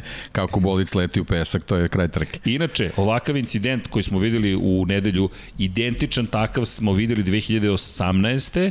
Roman Grožan protiv Carlosa Sainca. Sainz sa spoljne strane i Roman Grožan koji pokušao da odbrani teme krivine i na trenutak pod upravljanje. Aerodinamika gubi prijanjanje, bolid aerodinamika upravlja vazduh već uleće i šta se događa? Pošto su u krivini taj bočni zapravo, bočna zavetrina, uslovno rečeno bočna prljav vazduh, i samo ovako beži volan na trenutak Romanu Gružanu. Hamiltonu nije pobegao volan, ali je bolid nastavio, pod upravljanje se desilo i tu je kraj. Prosto kraj, tako da nije prvi put da vidimo ovu kopsu, ali nije ostao bez točka Carlos Sainz, pa nije odleteo, nego, se, nego je klizao. Čak i tu je bio nesrećan slučaj, da je Maxu ostao zadnji desni točak značajno bi se smanjila brzina do šljunka. On je odleteo zapravo u barijeru, jer je lansiran i zadnji točak je odleteo i on je bukvalno samo udario i onda malo klizao. Sreća što je odleteo zadnji točak da se slučajno podvukao pod, pod pod Ne, ne, ne moramo, da, ne, ne, ne, nećemo da pričamo uopšte. Na kraju izašao Sreća pa se ovako Najvažnija da, stvar, da, pozdravi poslao je pozdrav iz da. bolnice, ali je takođe rekao da smatra da je odsustvo poštovanja Luisa Hamiltona što se slavi dok je on u bolnici, što je u skladu sa onim što si rekao, eskalacija je već počela. Ne znam, ovaj... Najteži kraj izvuka bolid Red Bulla, tako da, da. koga više nema. Poruke, sad ne znam koliko su tače, da ga je navodno ispratio sa Instagrama. Max da, jeste, Stappen. otpratio je Luisa Hamiltona, da, da. to je malo dečije. Pa dobro, to su sad igre. To... Otprate, tako, tako se, kaže. se kaže. To su igre. Ali, ali, to je okay. ovaj, ali to su okej, okay, ali, ali pa, to je ti mene pratiš na Instagramu? Naravno, ti si, ti si, ovaj, ja moram tebe da pratim. Nemoj, e to sad analiza, pa Živković je otpratio Ercega, Sercega. Da. ali da, ali to je meni na nivou zaista deteta od 12 godina, kao okej, okay, kao otprati... No, pa dobro, ali, okay. ali, ali to nešto pokazuje stanje svesti, da. Da, da, da. Stanje svesti stanje svesti. I ono što ćemo da, da gledamo u, u nastavku šampionata. Kad smo već kod toga zapratite Infinity Lighthouse na Instagramu, zašto? Ili, ispre, ili, ispratite, ili ispratite, otpratite. Kako se... Ne, ne, ne, zapratite, čekaj, pa jo. Ali šta nisam rekao? Like, like, like, like, udrite ljudi like, to uvek dobro dođe, koliko god danas je svi po jedan like, evo, uh, molim vas, po jedan like. Evo, sad sam prešao na sledeću, sad već počinjem da molim za lajkove. Šalu na stranu, zaista nam znači, Don Pablo odmahuje glavom, loša ti je taktika, ali ali neko to mora. Ne, šalno, stvarno, zaista, udrite like, pomaže nam. Tako ćemo malo bolje da trendujemo, YouTube nas više voli, nadam se da nas vi više volite, a i da spomenemo ljude koji nas podržavaju, jer i mi imamo sponzore, pa jedan od sponzora, inače Dom Pablo nije jedan od sponzora, to smo ispratili, ali žalu na stranu. Vanja, hoćemo da ljude isčitamo ko nas podržava u celoj priči. Pokrovitelji na patreon.com kroz Infinity Lighthouse. Dakle, ukoliko želite da nam pružite dodatnu podršku, čitajte, budete pokrovitelj, patreon.com, kroz Infinity Lighthouse, Nenad Ivić, Sava, Toni Ruščić, Mario Vidović, Ivan Toškov, Mladen Krstić, Stefan Dulić, Marko Bogovac, Ozren Prpić, Marko Mostarac, Nikola Grujičić, Aleksa Vučej, Zoltan Mezeji, Zoran Šalamon, Miloš Banduka i Laslo Boroš i šest tajnih pokrovitelja. Pa eto, nadam se da će se uvećati broj do sledećeg puta, s obzirom na činjenicu da nam to znači. Videli ste na što trošimo, kupili smo F1 2021, instalacija pada sutra, ja se nadam, deki trebalo je za vikend, ali dek vikend je bio toliko uzbudiv, nismo mogli sve da izvršimo ćemo da izvedemo kako smo se nadali, ali to ćemo da sredimo i da ispravimo. Pa onda za sledeću trku vozimo Hungar Ring kvalifikacije, A ljudi, a to, a to čak toga se nismo ni dotakli. Imali smo sprint kvalifikacije, imali smo spektakularne kvalifikacije nekako je to ostalo u senci svega ovoga što se desilo, ali i o tome ćemo pričati. Pozdrav za Šejlu, hvala draga Šejla, poslala nam je, to ćemo posle da pogledamo, Vanja je već krenuo, već ga vidim kako je u niskom startu, kako su izgledale kvalifikacije, jer to je lepota duela između Maxa Verstappena i Luisa Hamiltona. Ljudi, to su hiljaditi dijelovi sekunde. I tu smo već videli tenziju, to je bilo petak veče, inače, da spomenem iz sprint kvalifikacije perspektive neke vrste suda, ono što možemo da ustanovimo, ljudi koji su na stazi su mnogo zadovoljniji formatom u odnosu na nas koji nismo bili na stazi, kao da su im ispunjeni i petak, subota, sad i nedelja, ali iz moje perspektive... Meni ispunjeni u starom formatu. Em, trening, recimo, onaj trening u subotu, ne vidim u svrhu. Broj 2, da nekako ne... Čemu 60 služi? minuta samo što nisam zaspao, bukvalno i ne znaš šta ljudi rade, šta testiraju, koja su vremena, s čim mi to poredimo, čemu to služi. Samo što možemo da zaključimo je na kojim gumama će započeti sprint kvalifikacije to smo mogli jedino da zaključimo. Pa, mi, mi ti pričamo sad o, pričaš o suboti, ja? Da, o suboti u treningu broj 2. Broj 2. To je jedino što smo mogli da zaključimo, jer ako troše tvrde, to znači da čuvaju tvrde, da testiraju za, za trku i da neće koristiti taj jedini preostali set u sprint kvalifikacijama. A dotaći ćemo si toga, no, no, no, pre nego što odemo na sprint kvalifikacije, evo ga još jedan sponsor, Luka Luka, koji je platio 5 švajcarskih franaka, kaže Cunodi 10 sekunde kazne za ono što je napravio u Austriji, konkretno gazio liniju dva puta, i jednako kao ovo što je Hamilton, gde ugrožava život. Mafija, to je komentar Lukin. -hmm. A, pa da, ali nije planski ugrozio, to je velika, velika razlika. Nije ono pokušaj da, ono je ljudi neodustajanje od borbe za titulu šampiona sveta. Prosto to je, ne, ne, ne odu, neće odustati ja, nećeš odustati ti. Kada dva takva šampiona, titana, kažu ja ne odustajem, sudar je neminovan.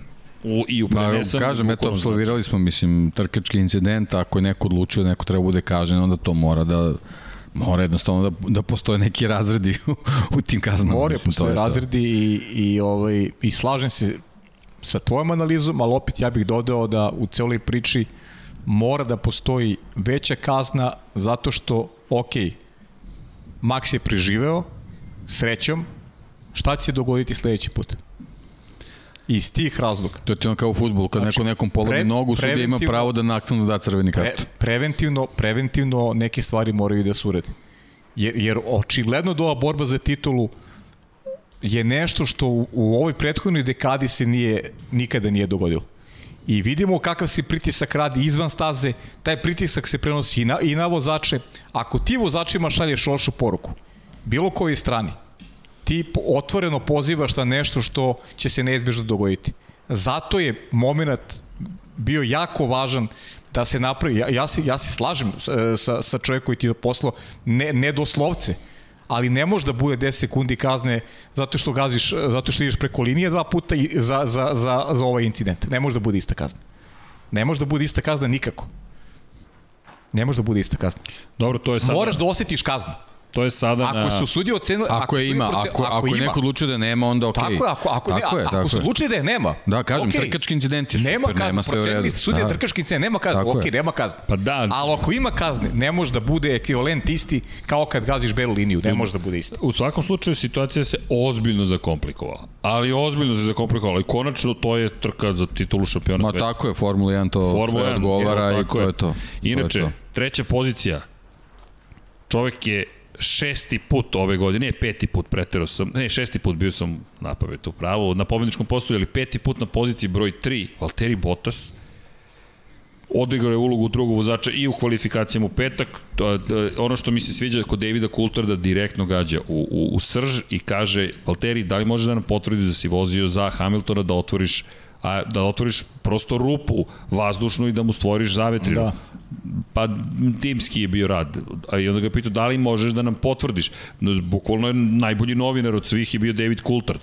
I, iako je bivši vozač Formula 1. Pa to je ta bio, da. reputacija da. koja ima nekim nedostaje. Tako je, tako je. On nema ali, problem da, da, da to pita. Ima stav. I pitao i dobio odgovor, da. I u tokom trke smo čuli Mercedes koji je najzad rekao timsko naređenje, menjate pozicije. Promenit ćete okay. u ovom krugu. I to je u redu, to je po pravilniku. U ovom krugu na tom i tom mestu. Na tom i tom pa, mestu. Sve je potpuno u redu. Samo nemamo, nemamo situaciju u kojoj on poriče da je to što jeste. Ali, prema što skoči na Bottasa, ljudi, Charles Leclerc i Ferrari, Otkud ljudi, onaj, ti si najavljivo to. Ti si rekao, očekuješ u Silverstone, ja sam bio skeptičan, zaista nisam očekivao ali kada su odvezli kvalifikacije najpre dobro, a potom u sprint trci došli do pozicije broj 4, odjednom ti se otvore vrata. Imali bi i peto mesto da nisu prevarili mehaničari Carlos Sainz. Da. Da ga nisu zadržali dugo. Bio, Carlos bi bio peti ali fantastični Charles Leclerc i njegova reakcija kako se lupa po glavi što nije uspeo da pobedi, ali zna, znate šta mi je to, na šta mi je palo na pamet, u celoj ovoj analizi sada ko šta kako gde vozi, obilazi se s poljne strane napada neko je tweetovao YouTube snimak iz 2014. Fernando Alonso u Ferrariju protiv Sebastiana Vettel u Red Bullu u hibridnim bolidima, bitka za poziciju. Alonso na starim gumama, gde mislim da je Leclerc mogao da gleda starog, stare asevi. Ljudi ste videli Kimi Raikkonen u Alfa Romeo Fernando Alonso u Alpini i pa i Sebastian Vettel kako se u Aston Martinu kako se startuje, kako se bori, kako se brane pozicije. Šta hoću da kažem? Charles Leclerc da je gledao taj snimak iz 2014. video bi da ti kad dođeš u Woodcote, Brooklyn, tamo kada se spustiš i kreneš da, da braniš poziciju, ne voziš najbrže što možeš. Ne, ne, ne, ne, ne. Ti u krivini broj 7 puštaš gas na temenu. Zašto? Čovjek iza tebe nema, nema bolji prolaz, on mora da pusti gas ti daješ gas mnogo ranije, jer koliko god je brza ljudska reakcija, zaostaće. I ti onda ideš na pravac sa dovoljnom prednošću. Tako je Alonso sebe odbranio protiv Sebastijana Fetela x puta. To smo videli, to je briljantnost jedne starije generacije, ne kažem da ova generacija loše, samo mora da stiče iskustvo u, na, u Spa. Hamilton vodi, Fetel ima brži Ferrari u tom trenutku, međutim, kako se spuštaju iz prve krivine, Hamilton blago pušta gas. Fetel mora ne da sme, ga prati, da. Mora da ga prati, ne sme da izađe iz zavetrine, a dolazi oruž gde malo pre kompresije Hamilton puca pun gas i u tom momentu taj ljudski zaostatak reakcije odvaja za dovoljno metara Hamiltona da uđe u oruž, M loša aerodinamika, to je stutica i prljavog vazduha i ti dok izađeš gore na kamelov pravac, Znaš kako, ja, kraj. Leclerc ima ovako već mladi momak, ali nema tu reputaciju kao što ima Max, recimo. Gubi duele neki koje već mu se A i dešavalo. već je bilo situacija da kad je u vođstvu da nešto štuca motor. Tako je. To je već i prijavljivo ranije. Jeste. To mi je već postao Ali onako malo... mislim, mislim da u ovoj situaciji, da. da u ovoj situaciji nije mogao ništa. Ne, ne, ne, ne. Da bi To Luis Posebno to- sa, sa tim stintom, sa gumama. Tako je, da bi Luis to rešio sigurno do kraja trke Da. bez većih problema, na, na nekom drugom mestu, tako da da je da je drugo, Ali, ali bilo pozitivno, je- pozitivno kako iskoristio tu Jeste. priliku što se našao na prvoj poziciji. jeste i, i kako je I Ferrari kako Ferrari izgleda ok, na- na funkcioniše kad je, kad je u vođstvu. Da, Da, fenomenalno Da, kad je u nekoj gužvi to baš i nije dobro. Da. Pa da, ali, ali Carlos Sainz je, je sasvim korektan bio, Sasvim okej, takođe da, isto da. na srednjim tvrdim gumama u tom prvom stintu, tako da je super, je Ferrari zaista kapa dole i rekao je Matija Binotto da očekuje da će ipak biti da će biti treći na kraju generalnog plasmanu, to je sad neka procena, ja i dalje stojim, onako ostajem pri tvrdnji da ovako favorizujem McLaren, jer očekujem od Ricarda da će, ta, da će sezona da ide onako uzlaznom linijom i da bi Ricardo mogao do kraja da bude prevaga na strani britanskog tima ali ovo što je Ferrari pokazao ovde i ono što bi mogao u, u, na Hungaru ringu onako otvara lepu poziciju za, za italijanski tim.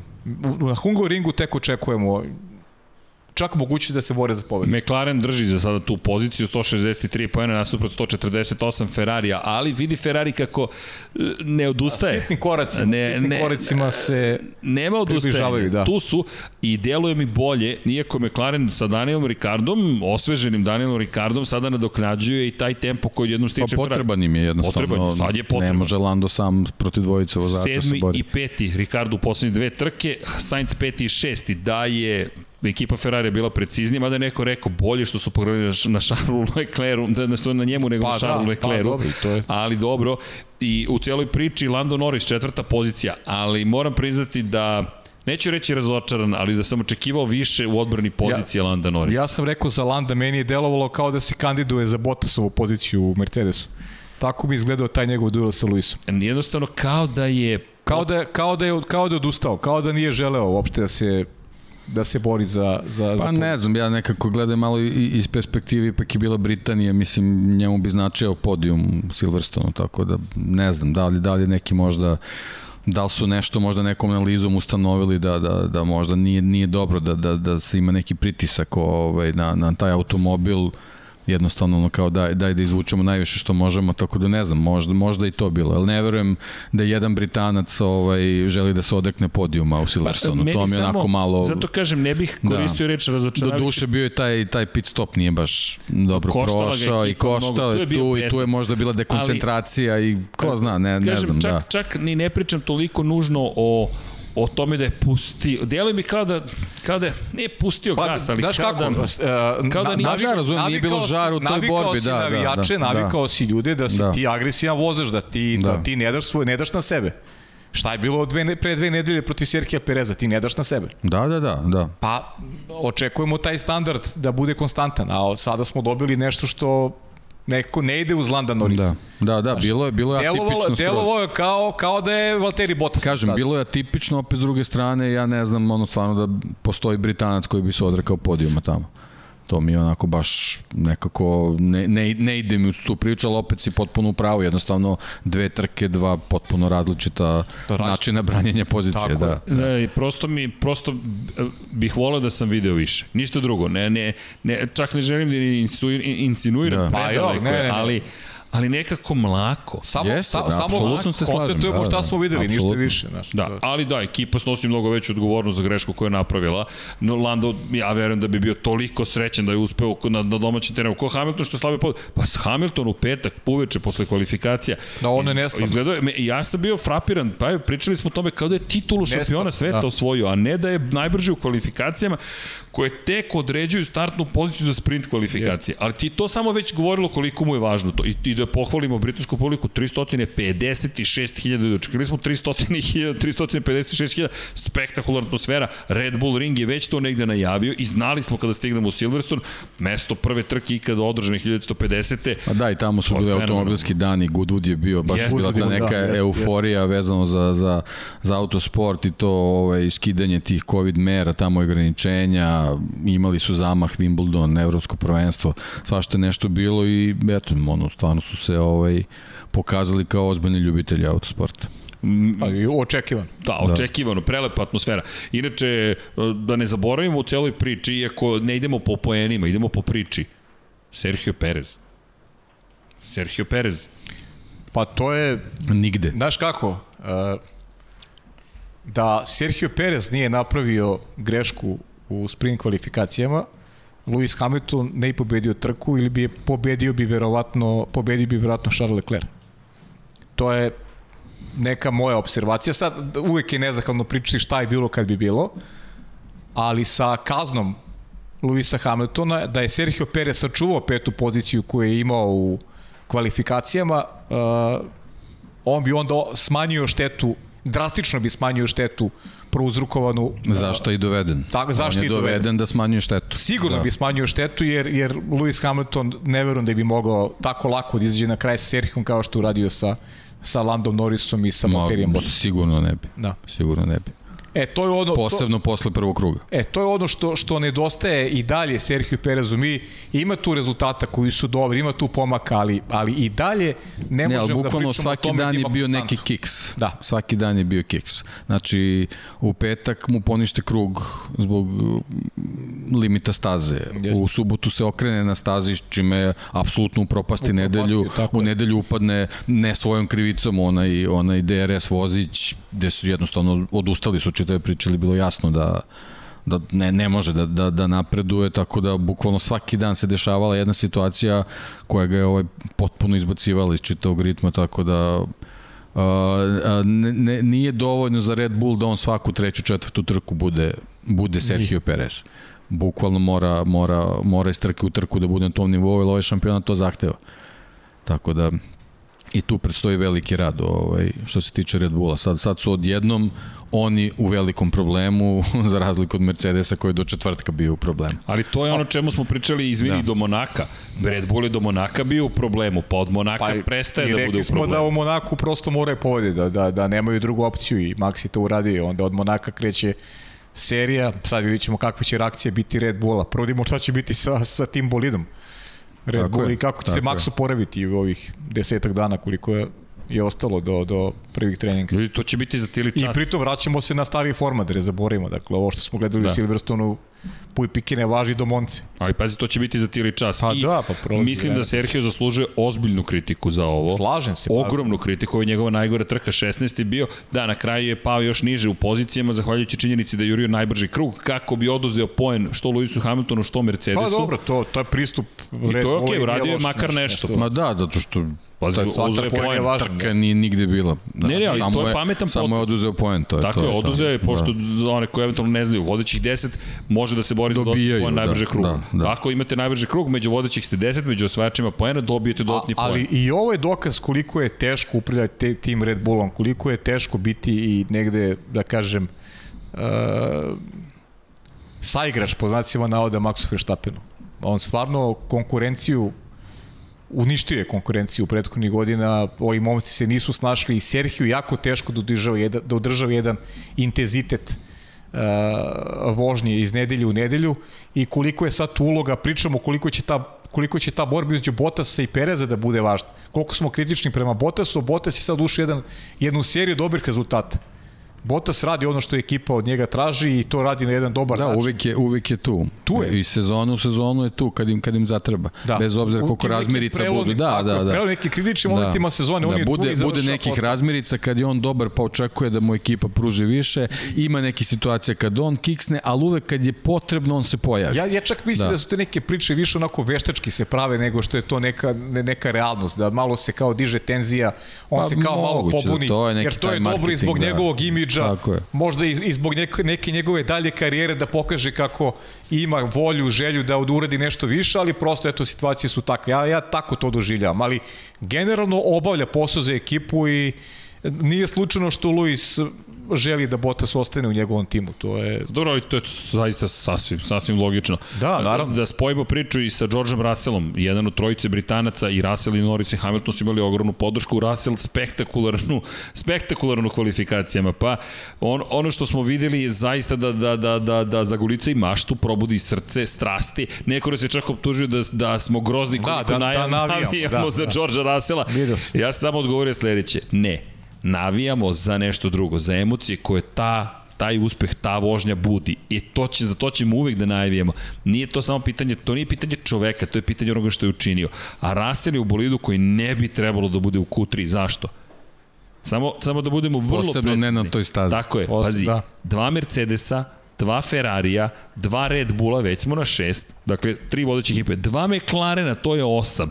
I onda, ajmo da biramo, Fernando Alonso, svetski šampion, Sebastian Vettel, svetski šampion, Alfa Tauri. Gasly u Alfa Tauriju. Hoćemo da dodamo Lensa Stroll u drugom Aston Martinu uz tog istog Sebastiana Fetela, hoćemo da dodamo Esteban Okona u drugoj Alpini uz Fernanda Alonsa, treba da dodamo i Yukija Tsunodu koji ima realno mnogo bolji bolid, da manje iskustva.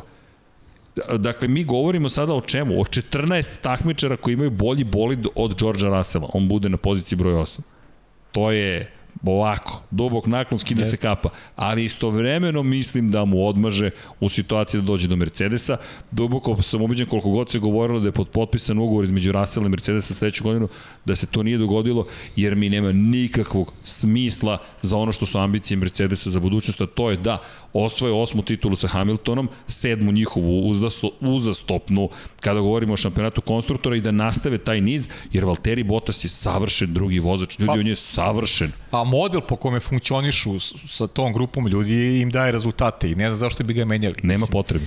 Jedino ukoliko se do kraja, ukoliko Max osvoji šampionsku titulu i Red Bull napravi neku razliku do kraja sezone, da, da, da Valtteri uđe u jedan loš ritam, možda zato i čekaju Mercedesu da, da, da potvrde posle uz narednu godinu, ali mislim da se bolje kotira Valtteri Bottas od George Russella, ali vidjet ćemo, to su samo neke prepostavke na kojima, kojima se bavimo i Da, eto, ako neka tradicija opipljivo. može da ostane u Formuli 1, ostaće ono vikend oko Monce, tu ćemo saznati. E, pa da, o to, čemu klasik, se radi, pa nema da, razloga ranije. Septembra, da, da, uvek je, uvek Pa, je da. to neko... Vikend oko Monce Vreme, se da. već promenio, sledeća Da. sprint trka, to je sledeća sprint Da. kvalifikacije Pa u ti kažem, Monce. ako nešto treba da ostane tradicionalno, eto možda će ostati te objave. Da, Pošto pa, sve se živo promenilo, pa će možda bar to da bude. Da, od sada standardno, objave da. u Rusiji. Da, Kada to- prođe velika A nagrada pazi, a nije da neće Da. biti malo trka do Bonce, čak tri. Da, da. Da. Da. imamo veliku nagradu Mađarske, pa onda pauza četiri nedelje, pa onda triling trka, uhu, velika nagrada Belgije, Spa Frankošan, velika nagrada Italije Monca, ne, Ne, ne, velika nagrada Holandije, onda i velika nagrada Italije Monca. Kakav će to tek deo serije, serijal vikenda da bude. Pri čemu, Ubistveni ritam za male ekipe. Ali pazi, yes. a, jeste, a pritom nema, pa, nema puštanja, ne, pritisak ne jenjava. Mi za 10 dana već započinjemo trkački vikend. I koji vikend? Vikend kojim završavaš prvi deo sezone i posle toga četiri nedelje ti moraš da razmišljaš o tome šta sam učinio, šta nisam učinio I dobro. da se spremaš za tri trke. I da se spremaš za tri trke. Kako mehaničari, inženjeri, timovi, tako i vozači. Pri tom imaš jednu novu stazu. Da. Koja je old school staza, staza starog je- kova. Ljudi, Ja ove trke što sam gledao, ja ne znam, ono, Ne znam kako će spakuje one bolide. Ne to, ne, ne, ne samo to, ono staza je strašno prljavo. ja, ja ne znam otkud onu licencu da je dobilo za Formulu 1, ako bude u onakvom stanju. Ja, zadrška je, možda će to nešto da se desi stvarno, ali Otkud kažem, ono, na tribine na šta Red sam Bull ringu i gledao, eto, otud. ono je neverovatno. D10 Da. sam posljednje gledao pre recimo dve godine.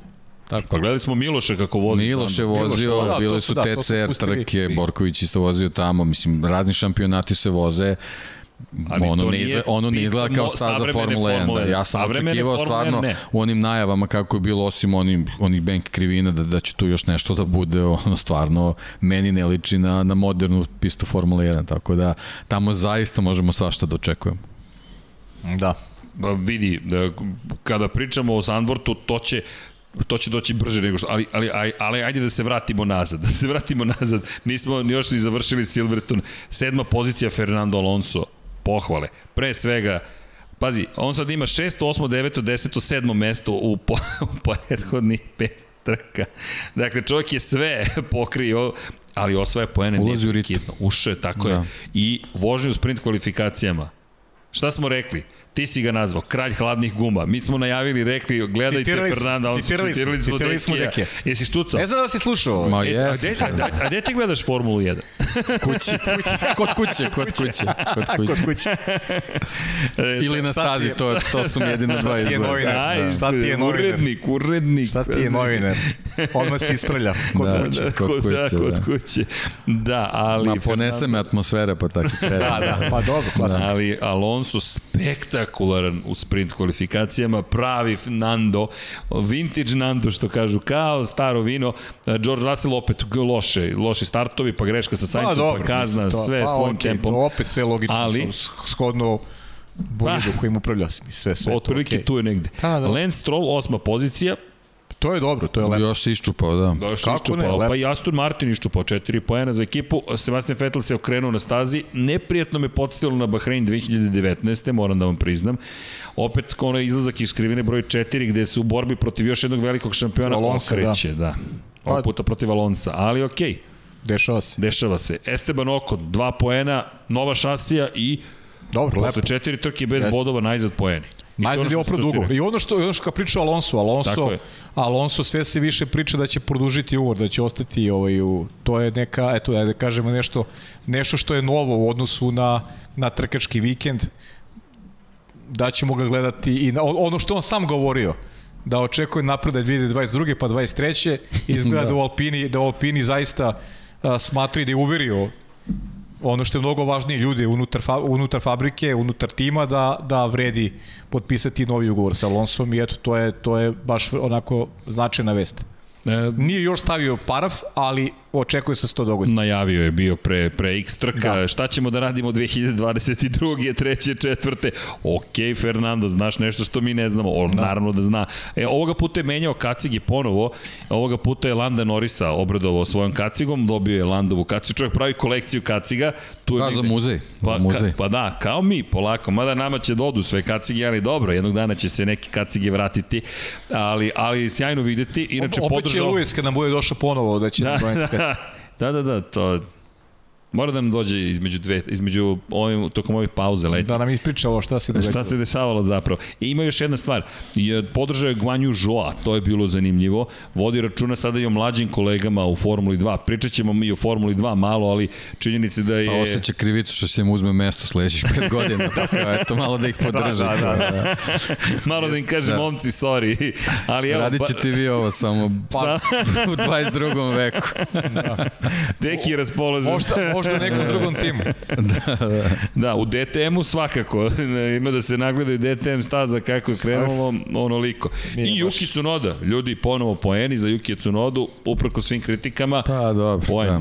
Pa dobro, znaš kako Okej. imao je... Nećemo sad da se ushitimo sa tim niko. poenom. Pierre da. Dobro, Pierre Gasly nije Pa, osvojio poen. Nije, Pierre Gasly Pa, ima dobro, imao da. stanje više, stanje više imao Pierre Gasly, tako da možemo da pričamo možda o promašaju strategiji ili ne znam, nešto možda Nešto, da, ali ja sam generalno zaboravio, neki okolnosti. Toro Rosso da. ova godina, to je Alfa Tauri. Iskorišćeni. Nije, nije. Nije to, da. Rekli smo, da, prvi deo da. se one su mogli iskoristiti mnogo više, sad kako se bližimo kraju, meni delo da će Aston Martin na kraju imati Juki nas više je poena. prevario u Bahreinu zato što je bile, bili, bio je blizu ovaj Formula 2 šampionat, vozio je tamo, imao je ovaj malo iskustva sa stazom, znao je, tu je bio dobar i onda posle, kako dolaze staze koje ne zna, a još ni automobil nije baš izgleda na nivou onoga od prošle godine, to je Ali problem. Deki, ni, ni Da. Gasly ne koristi svoje šanse na najbolji Pa način. kažem, verovatno taj automobil nije onaj baš što su imali prošle godine, tu je bilo isto dosta, dosta nekih promena koje ovaj nisu ispra, ispratili sa, sa unapređenjima, tako da to mora konstantno se radi definitivno. Pitanje budžeta Alfa Taurija, verovatno. Tako da, Dobro, mislim, dobro su izgledali i, i, i nikad na početku godine i nikada nije takav optimista bio uh, tim, uh, tako da ne znam. Ja sam, ja sam iskreno ovaj od, od Aston Martina malo više očekivao To na ovoj trci, posebno zbog prošlogodišnjih iskustava, ali ovo nekako A dobro, li, Pa, prosek taj je prosek, grešak. Vettelov da, okretanje. Pa Vettel, da. Nije bilo to je loša završeno kvalifikacija. Kažem, isto, ali Stroll je baš loše krenuo, mislim, ono, ja znam da, da neki nisu s njim ovaj, baš ne vole ga ovaj, preterano, ali mislim da, da može da bude korektan, ali ne znam, ovo je baš bilo loše.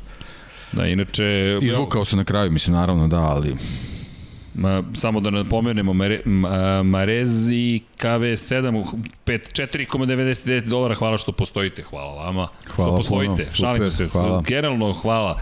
Dakle, hvala svima za podršku. Udrite like, udrite like. A, ima tu još par stvari. E, prosto kada pogledamo vikend, naravno moramo da spomenemo sve koje smo videli na stazi. Kada je reč o Alfa Tauriju, manje više priča se ponavlja. Kada je reč o Alfa Romeo, manje više priča se ponavlja. A da.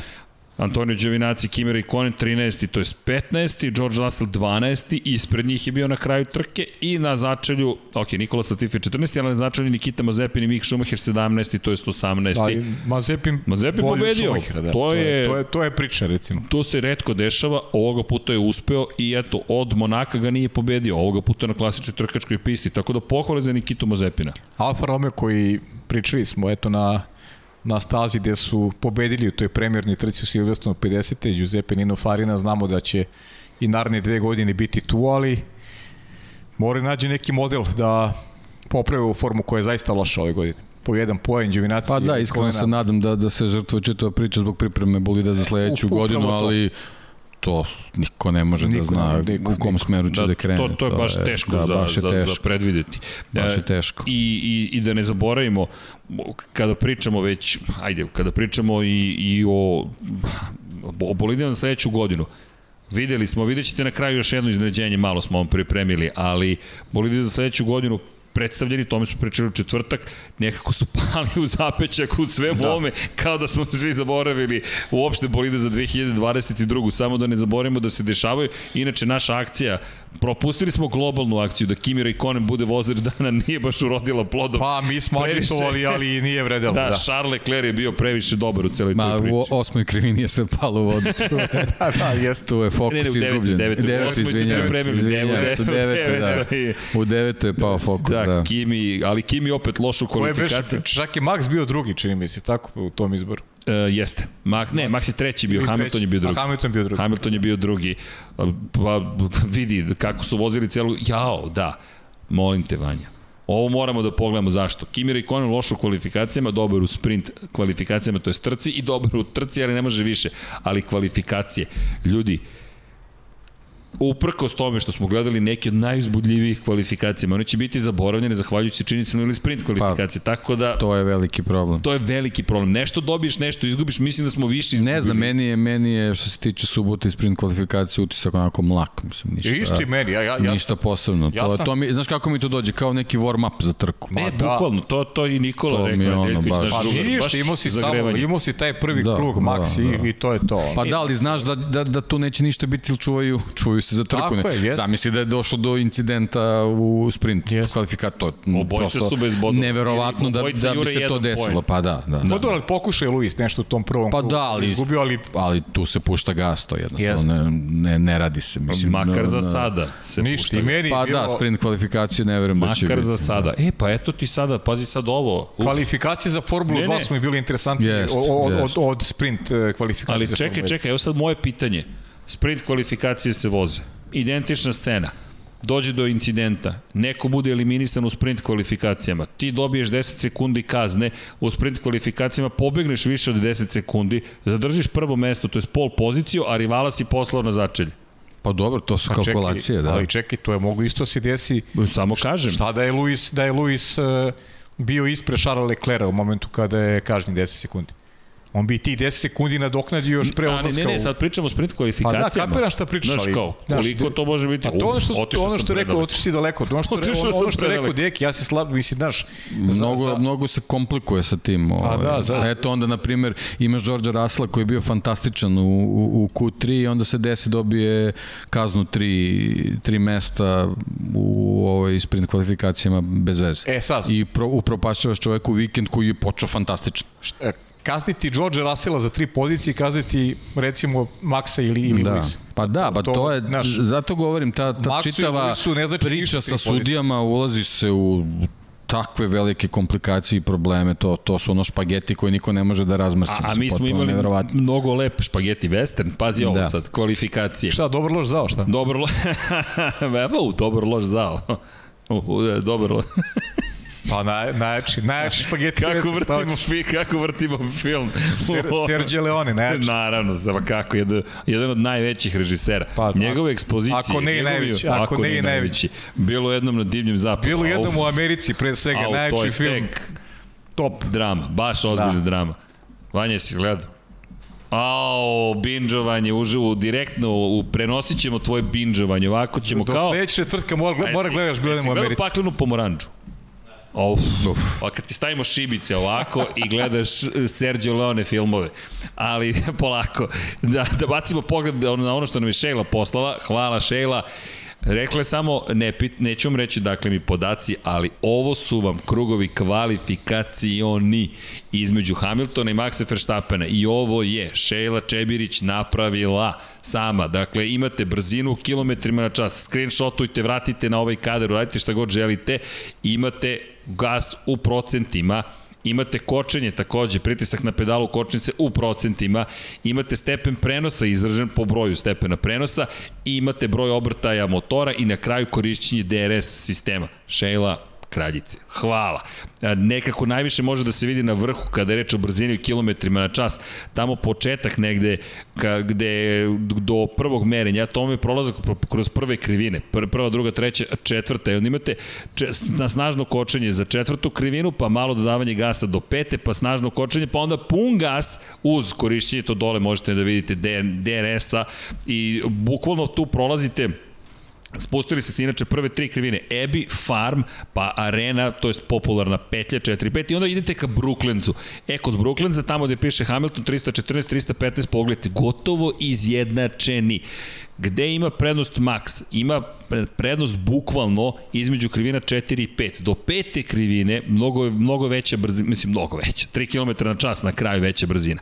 A onda idete dole ka Brooklencu, to je 314, 315, pa snažno kočenje, 106, 161 za Hamiltona, 169 za Verstappena, prolazi tu malo agresivnije Verstappen, pa kratak das do Lafielda i onda imate opet snažno kočenje, pa onda dodajete malo gas do Vutkota, pa kočenje, ne, ne, kod Vutkota ne, ne, kočenje do Lafielda i onda kreće od 119, 115, pun gas. To je Vutkot, to je priprema za Kops. Kod Kopsa ne puštaju, pogledajte gas, volio bih da miš mogu sad da ti otmem vanja da pokazujem, ali ravanje gas, 100% gasa, pada brzina, blago tamo kod 307, 291, pogledajte inače Mercedes. Mercedes je na pravcima bio i ovo zapamtite za buduće trke. Belgija, Monca pogotovo. Mercedes je nadoknadio za ostatak po pitanju maksimalne brzine. Nema zaostatka koji je bilo koji postoji u Austriji. Ne znam da li je tamo zbog manje količine kiseonika ili su promenili mnogo toga na, ili nešto malo, ali dovoljno na bolidu. Ili prosto visoke temperature, ovde su bili visoke temperature. Možeš da vratiš, molim te. Da, tu možete da vidite 307 nasuprot 297. Ljudi, to je 10 km na čas razlike prilikom pri- prilaska Kops krivini. To smo mogli kasnije da vidimo i u sprint kvalifikacijama i ključno u trci. Zato je Hamilton i mogao tako da se približi Maxu Verstappen. A i zato je Verstappen morao onako da uđe u kops Tako da bi je. zadržao barem tu brzinu koju ima. Tako da Kada mi imamo ovo, ovo dovoljno pokazuje neke Hvala stvari. Šejli, kada mi ovo imamo, zamislite šta timovi mogu da vide i kako se pripremaju. Zatim, gas kroz Megots, Beckett, Chapel, ne puštate gas. Zanimljivo je, Hamilton u jednom trenutku blago morao da pusti gas. To se vidi malo puštanje gasa. Ono Kako, što je- kako, kako? Malo. Ali, ha, Verstappen ne pušta gas. Sve do kočenja za Čepel. Ne pušta gas, to mi je zanimljivo, minimalno je, a Hamilton je morao da pusti gas. Uprkos tome, Hamilton nije izgubio previše kada je reč o brzini i onda opet pun gas, otvara se DRS, dve DRS zone, Hamilton do 325, Verstappen do 321. Šta meni ovo govori? Da je ogromna razlika, ako bacite pogled na stepen prenosa, Stepen prenosa je ključan, Tako to, je. to sam htio da kažem. Sedmi da. stepen prenosa kod Hamiltona je tako podešen da vi, ako bacite pogled, povučite zamišljenu liniju 307-297 na dole do stepena prenosa, vidjet ćete da tek pred ulazak u kops prebacuju u osmi stepen prenosa. U sedmom stepenu prenosa Hamilton ima 10 km na čas prednosti. Inače, stepene prenosa podešavate pred početak sezone i važe odnosi tokom cele godine.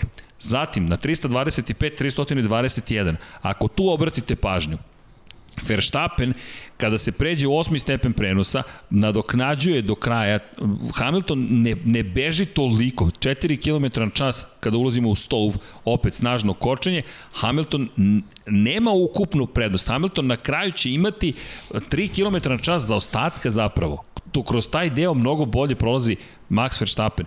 I zatim vrlo izjednačeni pre nego što stignu do kraja praktično kruga, posle stova, to su stare krivine, idete na Vale, klub i onda naravno izlazak na startno ciljni pravac, to jest na Hamiltonov pravac.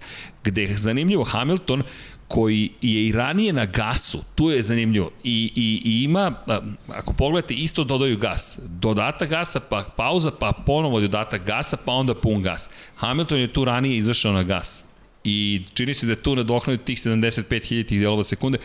Na ostalim mestima dosta su izjednačene neke stvari. Zanimljivo mi je što, na primjer, Hamilton ranije pušta kočnicu, to možemo da vidimo na prvom, u prvoj i drugoj fazi kočenja.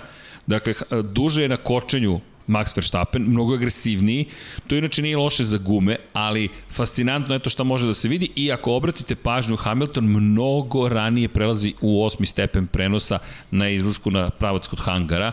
Što se tiče broja obrtaja, ono što je meni interesantno, Mercedes je konstantno u mnogo većem broju, mnogo, u, u većem broju obrtaja. Pa samim tim što se koristi u nekim trenucima da. niži stepen. Tako, da, to i, to. i, i, vidi se prosto, ako pogledate svetlo-plava linija, Hamilton stalno ima veći broj obrtaja na, na tamo gde, je već, gde su veće maksimalne brzine. U sporijim krivinama, zanimljivo, drugačije opet podešen motor, tako koristite prosto maksimalno. Malo trkački auto. Da. Tr, kako trkački auto? Trkački auto, vidiš da smo raspoloženi. Malo, malo. Mjau. Raspovanje se moramo ovako drži. Moramo da moramo stavimo Vanja Ken. Zovemo, zovem ja. Vanja, i daj, i Zbog mjau, mjau. Da, vidiš, mi smo u nekim starim formula, nismo rekli na uo, uo, A to, ko sad. Da. da, da. Da. Mom, mom. Da, to niko ne bi prepoznao. Crvendaći vidim. Raspolože... Crvenda... A koga ti predstavljaš? Ne znam, ja sam neka... Si Has. Da. Ti si Odlična iz ekipa. prethodne sezone. Odlična ali, ekipa. Da, ali mi podržavamo... Respekt ogroman za njih ove godine. Da. da, ali dobro. Ele, e, imali smo i te fan, predivne kvalifikacije, pomalo zaboravljene, ali opet, kakva bitka i te izjave Luisa Hamiltona. Eto, vrati smo se i tu mora da se i počne i završava priča sa Luisom Ne znam, to je Hamiltonom. interesantno. Znaš, znaš kako, priča mora da počne kada govorimo o ovom novom formatu od aktera. Ako je njima to ok, ako oni uživaju, Onda u redu, mi, Ne, ja mi- samo, mi ćemo samo to da prihvatimo. ne kapiram Ja ja nisam- podelu Da. Q1, Q2, Q3 u smislu da ti Q3 sad samo imaš manji broj vozača. Sad ne vidim, ne vidim smislu, a, a Q2 bez, bez varijante da voziš na gumama koji startuješ trku, Jest. ne, ne vidim da. sad. Ne, znaš, Osim tog smanjenja broja vozača, mislim to, ali to mu dođe, Tenziju, to, to, nismo to kod neke tenziju. igre bez granice, znaš, kao Ali ja, ja nijednog otpadaju, momenta nisam ovaj, imao tenziju. Pa ništa, ne. Ti ni u kvalifikacijama nemaš, nemaš tenziju. Zašto? Pa zato što su to kvalifikacije za kvalifikacije. Tako je. I nijednog momenta nisam osetio nikakvu tenziju. A trebalo bi Osim da što bude smo kao... uživali u Raslovom krugu, kad je sam izašao na Pa stazu. jedino to. Ali vidiš, Ali, da. on je sam bio na stazi. Ono što sam pričao prošli put, zamisli da imamo bar Q3 gde desetorica plasira, plasiranih u Q3 imaju priliku da sami voze taj krug. Bar nešto onda da se desi. I imaš tu jednu priliku i to je to. Da, ali, Da. ali, ali kada Ovako, ne znam, Znaš kako? pojma. On je izašao jedan, jedan Ali krug i posle nije imao više šanse. Ali opet između Verstappena i Hamiltona opet bila, ljudi, to je baš je bila dobra bitka. Pa dobro, Pa srđan, dobro, ali ona će biti, da biće cele bitka. godine, da, bitka znam, između njih ali dvojice, ali mi nemamo, ali- mi nemamo nikog drugog tu više. A nema, šta? To je Ne, problem. a dobro, ali to je problem. A opet mislim da... E, o, e, a ti kažeš, Evo a mislim da ovaj pitanje. format, evo ovaj format, ovaj format kakav je, opet još ih još više favorizuje. Da, ali Jer im daje šansu se, kad naprave grešku da mogu da isprave. Ali ajde jedno pitanje, ajde jedno pitanje. Je se se, ko je bio treći plasiran 1988. godine u šampionatu sveta Formule 1? Ne, ne pitaš šta pitanja, znaš Šta, da ko je moram- bio? Treći plasirani. Otko znam ko je bio, ne mogu setiti. Ne, ne. Ko je bio? Ok, e, to vam govorim. Ne, ne, nema drugih Berger, ovih nemam, sezona. nemam E, pojma, da, to ne tome ti da. Pričam, ali ne smo zapamtili da su Sena i Prost. Znaš, da li sam njima? Pa Ne, naravno. dobro, ali pričamo o kvalifikacijama. Ne, pričamo i o sad je- kvalifikacijama, opet je Ovo to je sad. Ne, ne, pričamo o formatu, srđane, o formatu. Znam, ali, ali meni je Jer znaš nešto kako, drugo govorim. Meni, meni ovaj A, format... shvatio sam, ne razumemo se opet ja na Ne. mom Marsovskom. Hoću da kažem, da smo izgubili da zapamtimo ove kvalifikacije zahvaljujući činjenici da smo imali sprint kvalifikacije, a ove kvalifikacije da. su vožene u subotu, pamtili bismo ih. Pa dobro, ali, ali da, to da, Ok, to apsolutno. nije Q1, sporno. Q2, Q3. Da. Ali ti kažem da. da je da je sporno u celoj priči što format opet favorizuje Me- Mercedes i Red Bull. Dobro, Eto, on, govorimo on, o ona činjenica što smo rekli, znaš. znači Max Verstappen je čovjek koji je osvojio bodove, nije, nije završio jedan krug u trci. trku. Da, Jedini je, u to je istoriji ironija. Formule I do sada, je- za sada. Pa za sada, Znaš, da, to za to sada. je neverovatna stvar, stvarno. Da. Dobro, ljudi. Imali smo ranije formate sa 34 bolida na stazi, ljudi nisu mogli da se kvalifikuju za trku, niko ih se ne seća uopšte. Z- Zamisli recimo... Ti sad imaš sa 20 bolida, imaš 69 nekih kvalifikacija, više ne možeš da pokojno, što kaže Alonso, kao je ovo sad Q4, šta smo vozili? Nemam pojma kako se ovo zove. Jeste. Znaš, mislim, to je... Zamisli da je, da je Max, evo recimo, ne, da je Max recimo u, u Q2 napravio grešku i da je krenuo sa 15. poziciju u sprint trku. Pa bio bi treći do kraja. Za tih 17 kruga bi bio treći do kraja. Da, i, i poništiš... I, i, Ne po, bi. i, i Poništiš poništi, problem. i Ne bi. poništi bi Zato- tu grešku je napravio bez... Ne bi, znaš zašto? Zato što bi morao da zaobiđe Alonsa. Alonso je pokrio celu stazu. Šalu na U stranu. Silverstone, u Monci. Ne, okej, u Monti. Pa zato kažem, nije to, Da. slažem se sa Pajam, to jednostavno dovodi, ne, imaćemo neke upitne situacije, nisam- će neko ko će imati ozbiljan trud u, u, u recimo Q3, to će Ne, ni, sutra dan biti poništeno. format, da se razumemo, Pa da. ali hajde sačekamo pa Ne, ne, kao razumem ja i tvoj deo priče. da mi- Znači, samo... I, Sve mi je kapiram ja šta ti pričaš isto, ali govorim Ili ne samo znam, u nekoj... u, u petak u Q3 padne kiša, a prvi na stazu izađe Rasa koji izvozi po suvom i recimo osvoji pol poziciju. I dođe subota koja se vozi Ni- po suvom eto još I boljeg ništa. Niko. Hulkenberg Eto još boljeg 2009. primera. u Williamsu, Pa da. to je taj Još moment. bolji. I onda ti dolazi subota koja se vozi po normalnim vremenskim uslovima i kompletan trud od petka ne postoji. Padne u vodu. Kada ne pričamo postoji. o Niku Hulkenbergu, samo da ne zaboravimo da ga se spominje ponovo da bi mogao Uvek da je on u priči, pa dobro, da, I da, da. tvoj čovek Jost Kapito kako da. Radi posao. Samo polako, ali sigurno. I da imamo specijalno pitanje za tebe, ali doći ćemo na pitanja. No, Vukan Savićević, turskih lira 180 Hvala, Vukane. 50, hvala. Bravo, Vukane, Veliki hvala, pozdrav hvala. za najjaču ekipu sve sa srcem. Možete mi objasniti toliku razliku između srednje tvrdih i tvrdih guma kod Leklera i šta mislite o obavezno pit stopu u kvalifikacionom sprintu? Ljudi, najjači ste Forza Ferrari. Hvala, pre svega. Mi- mi- e, Slažem se. To, ti si To spominjao to čak Jest. i za Formulu 2. Jest, obavezno da. stajanje menja stvari. da zamisli stvarno da imaš obe- obavezno u- stajanje. Ne samo u trećoj, nego u prvoj i drugoj trci. Da, Da, da, da. Menja dimenziju trke i interesantnije i publici. E sad, Da, ali to je sad priča za ovu sezonu i sledeće godine ako uvedu ono sporije stajanje što su E, pričali. toga. E, da. E, e, e, nema, bravo, bravo, E, bravo, pa bravo. dobro, dobro, E, e. Inače, Nema, nema, popustili da. su sa pravilima da, da za one koji su se bunili kada je reč, e, prvi ovde, ja sam, o tome da imaš obavezno minimalno vreme reakcije za zamenu guma. FIA, Međunarodna automobilska federacija, je rekla da zapravo to neće uvesti, nego da će više posmatrati E, da pa li je dobro sve bezbedno Dobro učinjeno, je. ali da neće biti minimalnog vremena reakcije. Da, da. To je to je suludo, čak i da anticipiraju, to je da predviđaju kada će šta da se desi. To je stvar treninga, treba da budeš nagrađen zato što si toliko dobar, a ne kažnjen zato što, a, on je anticipirao. Pa ne, najbolje bi bilo da to ne radimo. Pa to i jeste pojnta cele priče. Pokušamo da predvidimo šta će da se desi i treningom dolazimo Dobro, do toga da smanjimo je- vreme reakcije. A, što je i tu vezano za tu brzinu zamene guma, opet su, opet su tu već godinom unazad naravno favorizovani ovaj, bolje ekipe. Zato što E, ali to je ljudi zaposleni kod njih su... Sta, a nije, Reci. nije DHL. Ko je prošle godine bio jedan od najbržih timova u svim trkama praktično?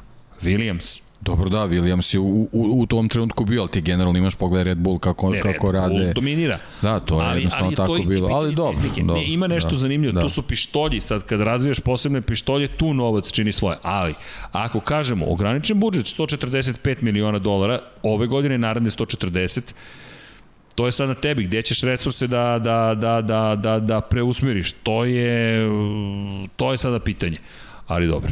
E, Šta još imamo?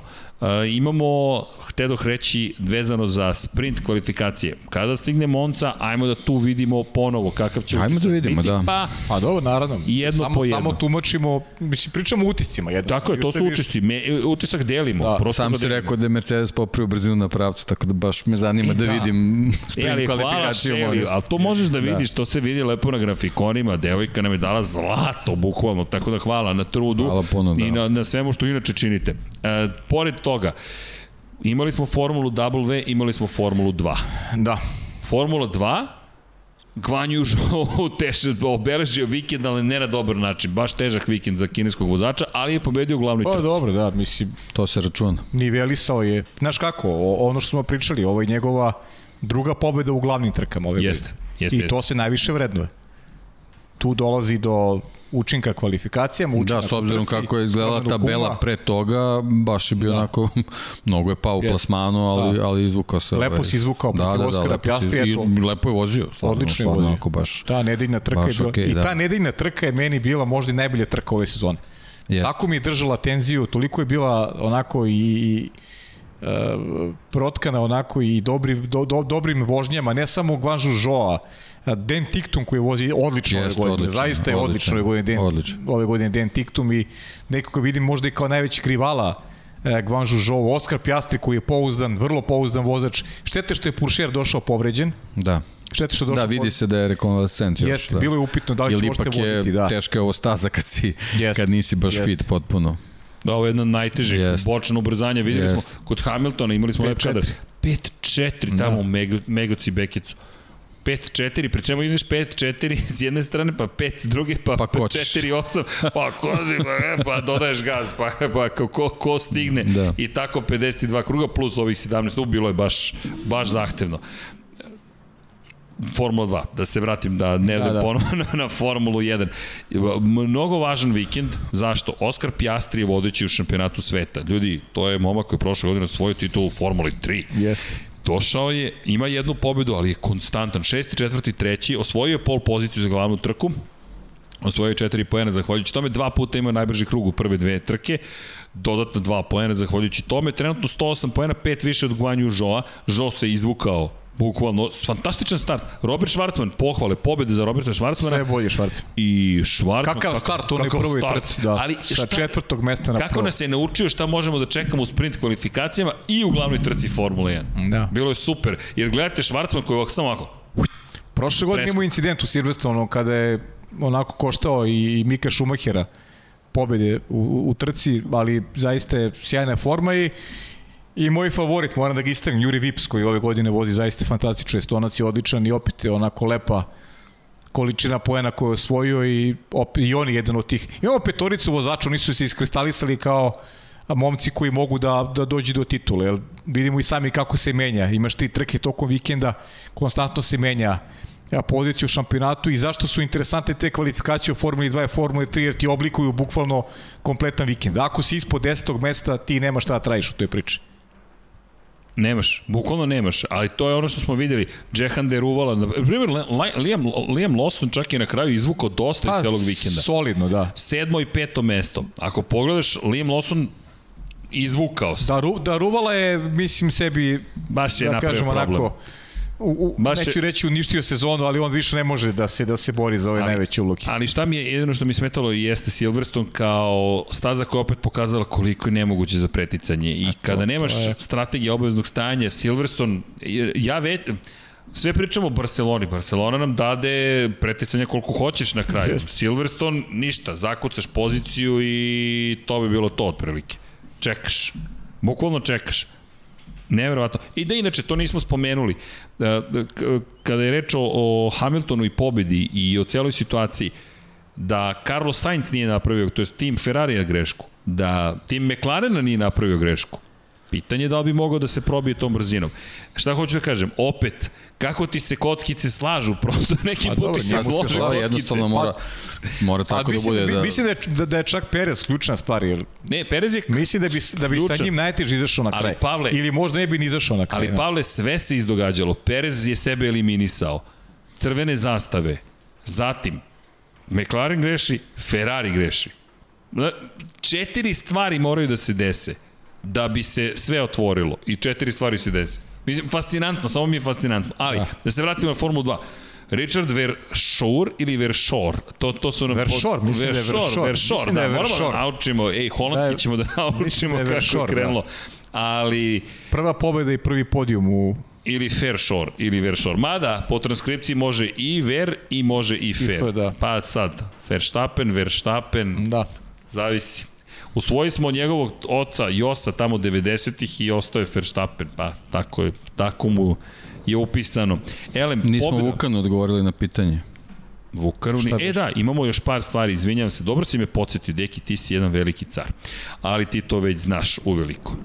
Dom Pavlo je koncentrisan. Dražen je postavio pitanje, da li mogu postaviti neka pitanja, pošto prošle put se zagubilo, ako je Dejan Potkonjak tu, koliko zapravo je Porsche napravio korak napred prema Formuli 1, spajanjem Rimac Bugatti, koji će prema svima najama raditi razvoj hibridnog pogona. I ako može vezano za trku da pojasni publici šta je Kerb, šta, šta Apex, jer se rasipaju pojmovi koje se ne poznaju, gde se podrazumuje da neko mora gađati Apex i slično.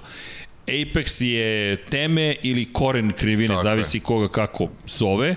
Curb je ivičnik, ivičnik to je pasica, da, po, to, da, da kažemo, ivičnik, laički, pa, pasica da, da. se koristi, to je kao kada kažeš fuzaster i nogostup. Nogostup je književno tačno, ali fuzaster je ulični termin za nogostup na motociklu, a ovo ostalo ostavljam tebi, deki, Rimac, Bugatti, Pa dobro, da, spajanje. da, to je, to je spajanje, mislim, to je sad onako jedan ozbiljan konglomerat, ne znam kako se to da, da zove, mislim, ti u principu sad, uh, to je već bila, da, da ne ulazimo u neke detalje, veze su već postojale, naravno, ali poenta je da Porsche ima već hibridnu tehnologiju koja je, koja je poznata iz uh, trka izdržljivosti, iz tog enduransa, tako da, ovaj, verovatno je to prilično uh, ne mogu sad kažem jednostavno, ali, ali nije toliki problem da se primeni na trenutnom pravilu u Formuli 1, tako da su oni verovatno jako zainteresovani, je sad poenta je da, da moraju da, da ovaj, dobiju sve informacije vezane za neki predstojeći period, sa, samim tim što su bili na, na sastancima, jasno je da, da će dobiti sve što ih zanima, da, da može jednostavno se napravi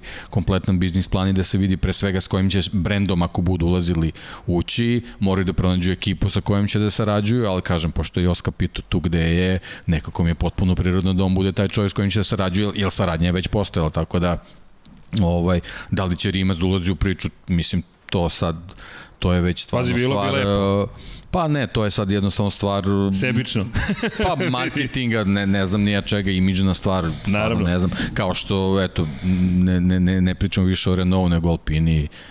Pitanje je o kom brendu ćemo pričati vezano za Volkswagen grupu, tako da to je sad verovatno stvar naziva, a potpuno je logično da će ta, taj sistem koji sad funkcioniše zajedno da razvija jednu priču. E, nismo odgovorili na pitanje za gume. Dom Pablo me podsjeća, srednje tvrde tvrde i razlike kod a, Ferrarija.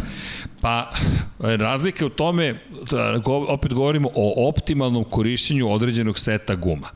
Šta to konkretno znači? Svaki bolid, videli ste to i ovde, kako je podešen bolid konkretno, stepeni prenosa, maksimalne brzine, broj obrtaja koji motor koristi da bi se maksimalno iskoristio. To su, to su samo delići elemenata i stvari koji utiču zapravo na korišćenje guma. Konkretno kod pneumatika jeste taj takozvani radni prozor, radni opseg u kojem oni najbolje funkcionišu. I kada potrefite tu radnu temperaturu koja vam daje savršeno prijanjanje i to jest kompromis između prijanjanja i potrošnje, onda možete da vidite ono što je ono što je bio tempo. Vanja, ako možeš da baciš grafiku, molim te za srednje tvrde gume. Onda dobijete ono što je Leclerc učinio, a to je da ima najbolji tempo na srednje tvrdim, to jest žutim pneumaticima. Kada se stave tvrde gume, smeša koja se koristi za pravljanje tvrdih gume je drugačije. E, mi ponekad kažemo komponente, zapravo je to compound, to je jedinjenje, to je smeša ne zamerite, prosto to se nekako domaćilo, ali poenta je, to, to mi često spomenemo, a, a zapravo je e, u pitanju tvrdoća. Jednostavno, hemijski proces kojim se nešto dobije da bi bilo veće ili manje tvrdoće. Inače, to je isto bilo diskusija. Srednje gume, srednje tvrde. Najknjiževnije je srednje tvrde. Prosto to tako, to je tako. I sad, Ferrari je tu našao nešto, ne znamo mi tačno šta, gde su te gume funkcionisale. Kod tvrdih još to nisu pronašli. To je sad pitanje podešavanja bolida. Ravnoteža, balans. Evo, Lewis Hamilton, pogledajte vi tempo koji imao na belim gumama, pa to je ljudi neverovatno, čak ni Bottas, ali to je ono što si rekao za Verstappena. Verstappen jede svoje klubske kolege Jede ih manje više Lewis Hamilton. A, dobro, S tim što je Valtteri od davno odustao njemu, ja mislim da je bukvalno duh slomljen. On tako izgleda, on više ni ne daje izjave osim onoga što mora da obavi sedi čovjek sa strane pa on je i ništa ni ne očekuje. Pa jeste. Sam je izabrao svoj put. Pa naravno. I, i sad, sport. ne žalim ga, on je čovjek fabrički vozač Mercedesa, nema šta ko koga tu da žali. Sam je izabrao gde ide i šta radi. Ali, kada govorimo... Ima dobar posao, ne, nema ništa da ga žalim. Posao mu uopšte, uopšte nije loš. Dakle, Kada govorimo o tvrdim gumama, mi ne znamo zašto one nisu funkcionisale. Pretpostavka je da zapravo da nisu dosegli radnu temperaturu koja je neophodna da bi to savršeno. Ljudi, vi kada pipnete gumu Formula 1, ona je lepljiva. Prvo vrela je za početak, ali se lepi. Vi kada vidite šljunak kako pređu sa šljunka, on se zalepi. One na hemijskom nivou se lepe za asfalt. Zašto neke staze koje su loše napravljene se čupaju stvari? Zašto moraju da zavare bukvalno šahte, šahtove u Monaku, Baku? Počupaće ih, bukvalno će ih pretvoriti u balističke projektile. I to nije preveličavanje. Na hemijskom nivou to, te gume se lepe za asfalt. Tako da, da bi zaista funkcionisale i kad kažem funkcionisale, to je opet, ovo je kao šampionat izdržljivosti. Što veći broj krugova, po predvidivom tempu, to jest po predvidivim brzinama i predvidivim prosečnim vremenima. To je zapravo ono što vi jurite. Moderna, savremena Formula 1 dosta liči na šampionat izdržljivosti, gde je cilj izdržati 36... Što nije dobro. što nije dobro, naravno. To što je loše zapravo. Ovo je da. šampionat, ovo je sprint treba da bude. Gde vi imate 36 krugova u optimalnim vremenima. To tako izgleda. Eto, i onda Ferrari još to nije otkrio. Inače, Mihajlo Konotarević, Konotarević, nas smo odgovorili, hvala Dom Pavlo za podsjetnik. Pozdrav za najbolji podcast u univerzumu. Šta je trebalo da se desi? Koja je to situacija da Hamilton dobije suspenziju umesto ove neosetne kazne? Pa, da biste dobili suspenziju, vi morate bukvalno da se namerno zaletite u nekoga. Nije se Hamilton ovde namerno zaletio Morate da uradite nešto što rade u Naskaru, recimo. Bukvalno. Pa ko ti je? Znaš ko je naj... Joel... Matt Kenseth, ne, Matt, Kenseth. Matt Kenseth, Matt Kenseth je dobio suspenziju protiv Joel Logana, jer je jer je uradio nešto, imao, imao, imao je recimo, zaostao je 3-4 kruga u odnosu na Logana, Jeste. a namerno se zakucao u njega da ga izbaci sa staze i, i, i dobio je suspenziju od 2 ili 3 trke. Koliko trka je čekao? Ja mislim da je čekao dve trke od kada ga je Joey Logano izbacio u duelu, direktnom duelu za poziciju. Pa recimo, možda čak, čak malo, tri trke. Možda čak i malo više, ali ga ali oni se ule, zaleteo u Logana kada je Logano bio prvi. Čekao ga je bukvalno. I dobio je suspenziju od dve ili tri trke. I eliminisao Logana iz daljeg toka play-off. Pa praktično ta trka, praktično. to je bila nova serija play-offa poslednja serija, Logano se nije oporavio od toga i nije, nije, igra, nije bio nije, u velikom finalu. Tako je, tako je. I, i da.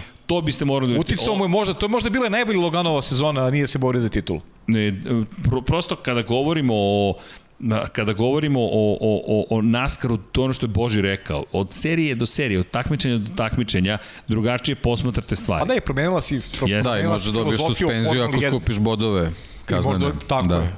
Luis sada ima da. koliko? Četiri ima kaznena boda ukupno. Tako je. I Grožanje čini mi se bio suspendovan kad je napravio incident u Spaču, je li tako bilo? Sledeću trku. Jest, da. jest, tako je. Eto, to su, da. to su te neke situacije. A, a, situacije da sa, sa Alonsom, da. Da. da. Jeste.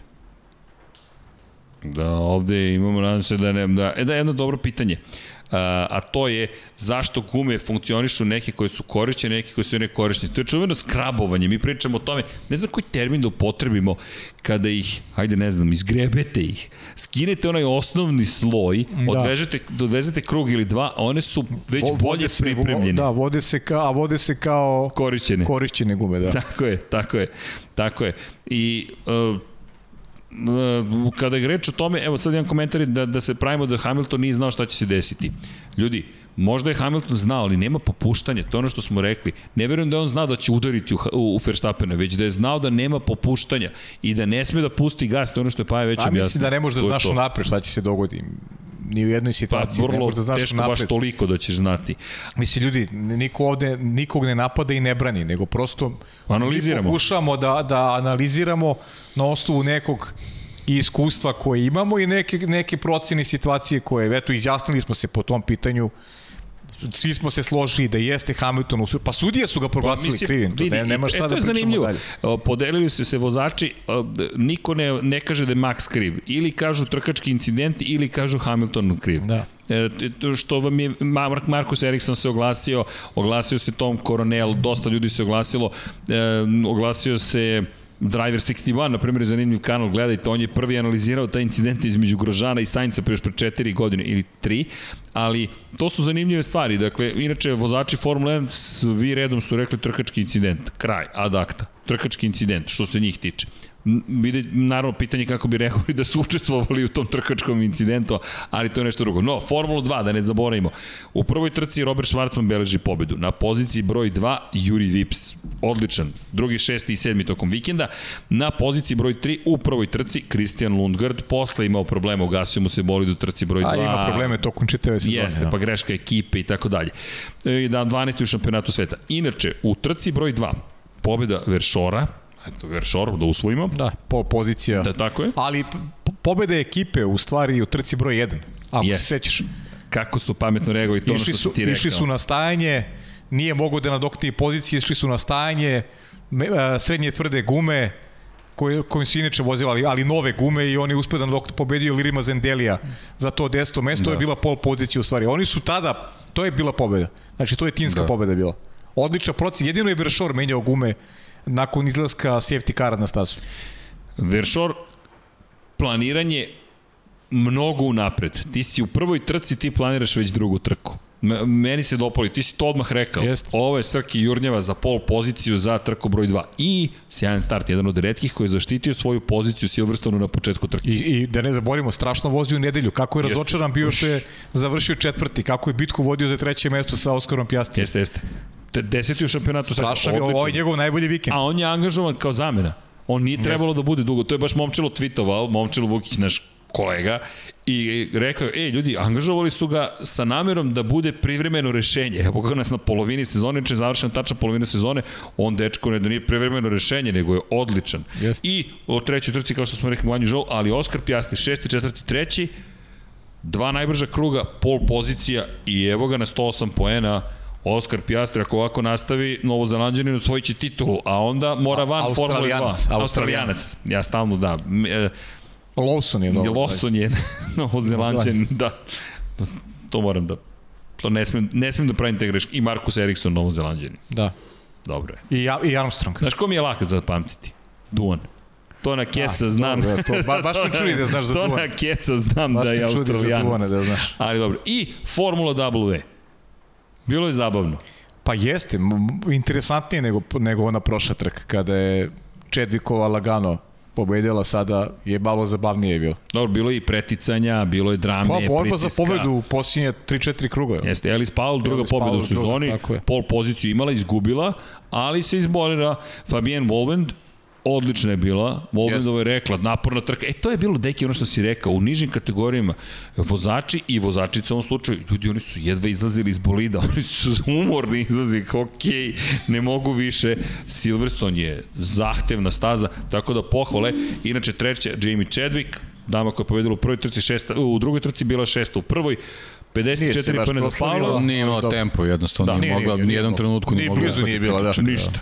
48 poena za, za Paolo, za Čedvikovu, Paolo 54, 36 za Saru Mur, zadržala iako je bila nevidljiva Sara Mur, sedma je tek bila, A, ali bez- 36 poena. I vesti, hvala Dom Pavlo koji mi kaže nemoj da zaboraviš, neću. Envision Virgin Racing koji je saopštio da se Alice Paul pridružuje Envision Virginu i ono što je tu bitno u celoj priči jeste činjenica da će otići u Formulu E, Tako da ćemo eto imati damu u Formuli E, što je prilično velika stvar i za Formulu W i za Formulu E, s obzirom na činjenicu da eto se spajaju na neki način iz te perspektive i da jedna devojka dobija priliku u jednom od vodećih šampionata sveta, što je i bio cilj Formule W, da istakne nekoga i da taj neko dobije priliku u velikim šampionatima. Pa eto, kroz Formulu E možda Alice Powell postigne i dovoljno da kažemo čekaj, možda se otvore neka vrata, mada mislim da to nemoguće, misli u trenutnoj konstelaciji stvari, ne, zašto? Ne zato što mislim da Alice Powell nije dovoljno dobra, već zato što je već sada za one koji su više nego dobri zatvoreno sve. Ono što si rekao, Fernando Alonso, zatvorio Alpinu. Esteban Ocon ima novi trogodišnji ugovor za 2022. treću, četvrtu. Verovatno će taj period pokriti i potpis Fernanda Alonsa. Gde onda? U Mercedes. Hamilton potpisao dvogodišnji ugovor. Čekamo Bottasa ili Georgea Russella. Ako se otvori nešto u Williamsu, ok, ali onda juriš Pjastrija, juriš možda Lawsona, možda juriš Jurija Vipsa, juriš jednu generaciju. Drugo, Guan Yu Zhou, Guanju Žovu, ukoliko osvoji titul, opet ne može da ostane u Formuli 2, a dolazi iz Kine. To je baš otvorena situacija. I tako. Nadam se da smo sve pokrili. Gde ćemo se da ih smestimo, ne znam. Ne znam, zaista ne znam gde ćemo da ih smestimo. Da. No, ovo je stvarno fascinantno. Evo čak kad smo spomenuli Alonso, Điki, dajte, kaže o Alonso. Ljudi, šta da kažem, on je čovjek sve ispričao onom jednom krugu. Alonso odvezao fantastične dve trke i sprint kvalifikacije i glavnu trku. Bio je kao što rekao, spektakularan. Onaj start, ono je za pamćenje, zaista. Ono se pamti kao Kimi prošle godine u Portugaliji.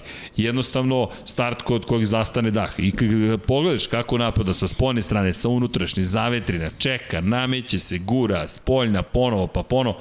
Uf, baš je bio dobar. Odlično. Kako da ga opišemo? Pa ne znam, da mu posvetimo specijal, je li tako? Evo Dom Pablo kaže, ej, ljudi, gledajte šta sam našao, moram da vam se pohvalim. Uđem ja u knjižaru, kažu, to smo s greškom dobili. Kako greško može Formula 1, molim vas. Turbo Atex, ovo su sličice za Formulu 1 u 2021. Sa druge strane spisak tih sličica, a šta kažete, Turbo Atex. Inače ima za WrestleManiju, ali sam ja uzao ove za Formulu 1. I onda sličice, kaže Gold Limited Edition. Opis Fernanda Alonsa. Defense 92, Attack 81. Attack 81, pogrešili ste vi to. To je mnogo bolje. Evo ih sličice, nemam pojma šta ćemo s njima, ali eto, dobili smo sva. Evo Vanja kaže da ih meni. ćemo ih po Ovo smo isto dobili kupovinom, dakle ovo smo dobili i dobili smo, nemam pojma, Game Guide, Feel the Thrill of the Race. Eto, tako da počnemo da skupljamo sličice, pa ne znam da li se igde prodaju, ali kažu u knjižari greškom smo ih dobili. Ne može to da bude greška. Imamo još neke tu papire. I si ti njima rekao, mi nećemo greškom da kupimo. Ne, ne, mi smo namerno kupili. I odjednom, znaš šta se ispostavilo? 50% je skuplji od WWF-a. Nijako nigde nije pisala cena. Ali ja sam rekao, nema problema, dajte koliko god da košta. Vredi. Zato što mi imamo Patreone i zato što imamo ljude koji nas podržavaju. Podloga za igru. A vidi Vanja, stvarno, Q1, Q2, Q3, o, deki. Ne ljuti se čoveč. I board game i F1 2021. Au, što će da se igra ovde. Uh, pozdrav za Janija, kaže, ode da spava. Nemojte još da spavate, imamo sad Q&A, pitanja i odgovore. I jel može unbox sličica live? Evo, može unbox sličica live. Ispunjavamo zahteve, Unbox sličica live. Za one koji nas slušaju na podcast platformama, upravo otvaramo sličice. I mene to zanimalo. Turbo da Atex. Opa, Fernando Alonso, ovo je zlatni Alonso. Pazi, nemoj masnim prstima. Zatim imamo Luisa Hamiltona. Šta još imamo? Imamo, opa, slow pit stop. Ovo za Ferrari. Izvoli. Izvoli, deki. Slow pit stop. Ne, ovo su iz, izvlačite kartice. Ovo je ono što je Vanja rekao, Vraćam, board game. Vraćam ti ovi sličice. I, I Formula 2 postoji. A ne, ovo je igra. O, deki, board game smo dobili. Ok, nisu samo sličice.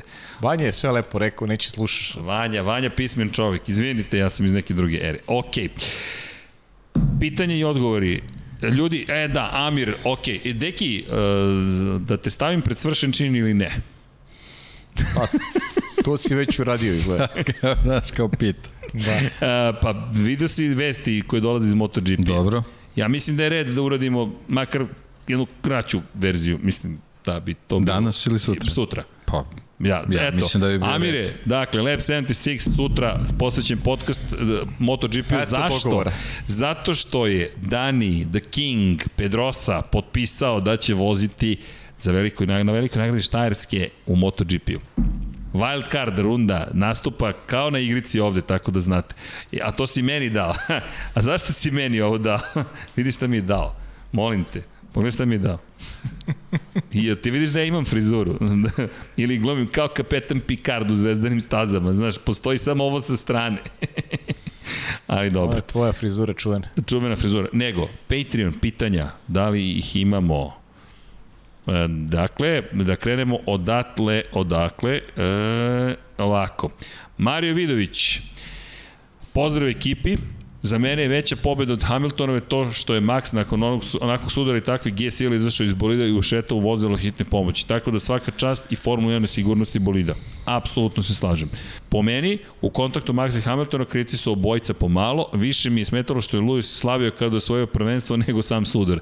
Sad ne znam da, ali ljudi, to je Velika Britanija, to je njegova teritorija, njegova zemlja. I još jedna stvar, Max je u prošlosti često učestvovao u sličnim incidentima, nažalost i njemu je neko vratio, ali da ne zaboravimo, i Lewis je isto imao spornih situacija, setimo se oba incidenta sa Albonom, jeste, nisu bile ovakve brzine, ali možemo neke stvari uporediti. Hvala vam, ostanite zdravi i nastavite. Mario, takođe, slažemo se, hvala. Inače, ovo je, da, možemo da pričamo o tim incidentima, pa i onom incidentu Verstappen-Leclerc sa Red Bull ringa od pre dve godine, to je isto bilo žestoko nametanje s unutrašnje strane. U svakom slučaju, kao što smo rekli, uvek će biti Da, mislim, može tako se vraćamo unazad mnogo, god, ali mnogo. Ja, kako ti se sviđa thumbnail? Sudar Titana. Bogdan je bio vredan. sviđa mi se, da, dobro je. Dobar, dobar. Dobar, baš dobar. Imamo li još pitanja? Ima, ima, ima Deki dobro pitanje. Da. Deki Andrić uvijek ima dobro pitanje. Kaže, hipotetički, ako pravila za 2022. godinu donesu te promene, dugo očekivane i bude, bude preticanja, a primenjivanje, kaž, primenjivanje kažnjavanja ostane na nivou kao zadnjih 10 godina, mislim da je identična prekršaj važi 5 sekundi, iz drugi 20 sekundi, onda čemu nova pravila? Ako ne mogu sad da se posle, da, ako ne mogu sad Uh, da se posle kad ima par obilaženja na svakoj trci dogovore kako će primenjivati kad bude 15 plus preticanje na trci. To je dobro pitanje. Pa, ha. Šta je pitanje? Kako će da se dogovore? Pa da, kako će, kako će da se Nikako. primenjuje, kako će to da se primenjuje ako, ako ostane na ovom nivou, da, da kažnjevaš Pa ja mislim da 10 će sekundi. morati, ja mislim da će ovo pokrenuti sada lavinu zapravo izmena. To jest izmena ili razgovora. To je ono što je Deki već rekao. Jednostavno moraš da počneš da pričaš o tome. Moraš da počneš da pričaš o tome, jer evo, mi sada pričamo o tome. Ali mislim da Dene nećemo imati odgovor dok ne prođe još, dok ne prođe još najmanje pet trka. Zašto? Ljudi, mi ne znamo koliko god ja, me, ja se plašim eskalacije. Zaista se pribojam se eskalacije, ali mislim da, da, da, da, da se nameće zaključak prosto jedino ako nekako ne uspeju da ohlade svi glave. Ma to nema šanse. Ja ne vidim da će Max hladnije glave ući sada u sledeći duel. Naprotiv, e, njegov otac Jos Verstappen je čovek koji, koji koji, koji nikada nije tome pristupao, njegova filozofija nije bila to, a uticaju na svog sina. Pa Jos je S druge rekao da je, Max, da je, da je Luis trebao bude diskvalifikovan. Pored toga, ni Christian Horner nije neko ko je rešio da spusti loptu. Naprotiv, on eskalira situaciju. Toto Wolf takođe nije rekao aj spustimo loptu. Ne, ne, ne, ne, ne, ne, ne. Ti ti ono što je Deki rekao. Pa to je što je rekao, svako, smo u svako, rat, bukvalno. svako, brani, svako brani po svaku cenu uh, Tako da ćemo doći na to. svog Pavle. čoveka, po znacima navoda. Doći ćemo na to i mislim da ćemo tu tek videti odgovor za par trka, zato što će tek tada doći do toga da se postavi ponovo pitanje ovo što je Deki rekao, da li, da li menjati kazne ili kako. Ono što brine je ono što si ti Pajo rekao, a ko ima snage da to iznese. Jer ako Žan Ma Todt se to je i veliko je pitanje ono što, što, što se već i u ovoj situaciji spominje. Šta je trkački incident, šta je, šta je prekršaj, šta je kazna. To je, to je sad sve veliki problem. Da. Biće drame.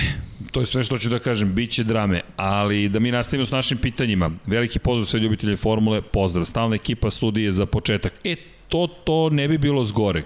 Da imamo stalne sudije. Mislim da bi to pomoglo iz perspektive autoriteta takođe, e, ko je to A mislim da je to, kri- da je to ključno pitanje u stvari. Da je to ključno pitanje. Da, da tu Može. mora sve ljudi od, od autoriteta. Čekaj, hoće Vanja da nas pita. Kaži Vanja. Ko bi birao sudije? Pa Pa, bi- nema šta. Molim? Koga da izabereš kao sudije? Stare trkače. Tako je. Stare trkače. Pre svega stare trkače biraš Ljudi kao od sudije. autoriteta, od, od autoriteta na, e, kojima ne mogu ništa da kažu ni vozači, a ni javnost. Kojima, bukvalno, e to je to. Jer to je, jer ti kad imaš ove sudije, ja, evo ja sa ove trke, sa ove trke sada, ti kad nabrojiš tih, tih pet imena, ti ne znaš ko su ljudi uopšte. Šira javnost ne zna ko su. Niko ne zna ko su oni.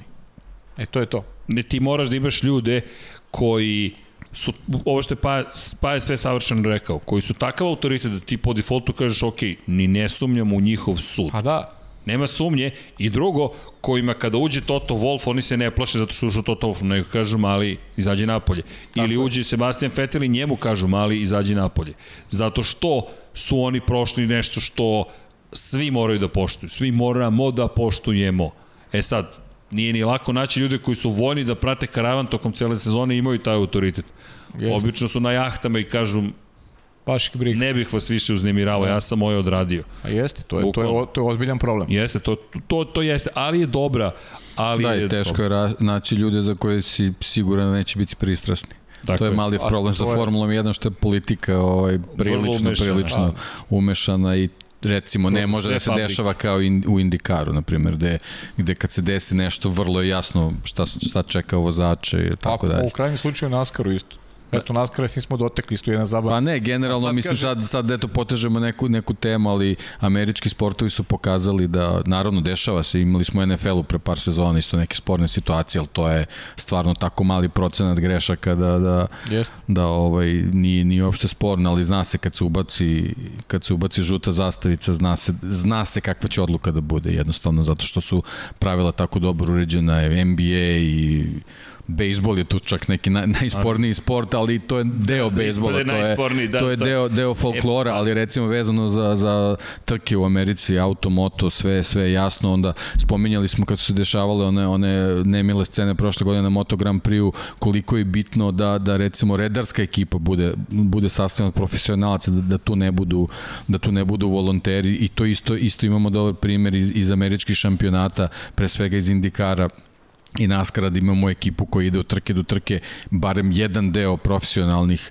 redara koji u milisekundi zna šta treba da se dešava u određenoj situaciji, pošte proceduri i tako dalje tako dalje, a Formula 1, eto, to je malo onako nekako je sve sve što se tog dela tiče postavljeno na, na evropski način otprilike kao u futbalu da li si za ili protiv vara to, to mu dođe nešto nešto slično.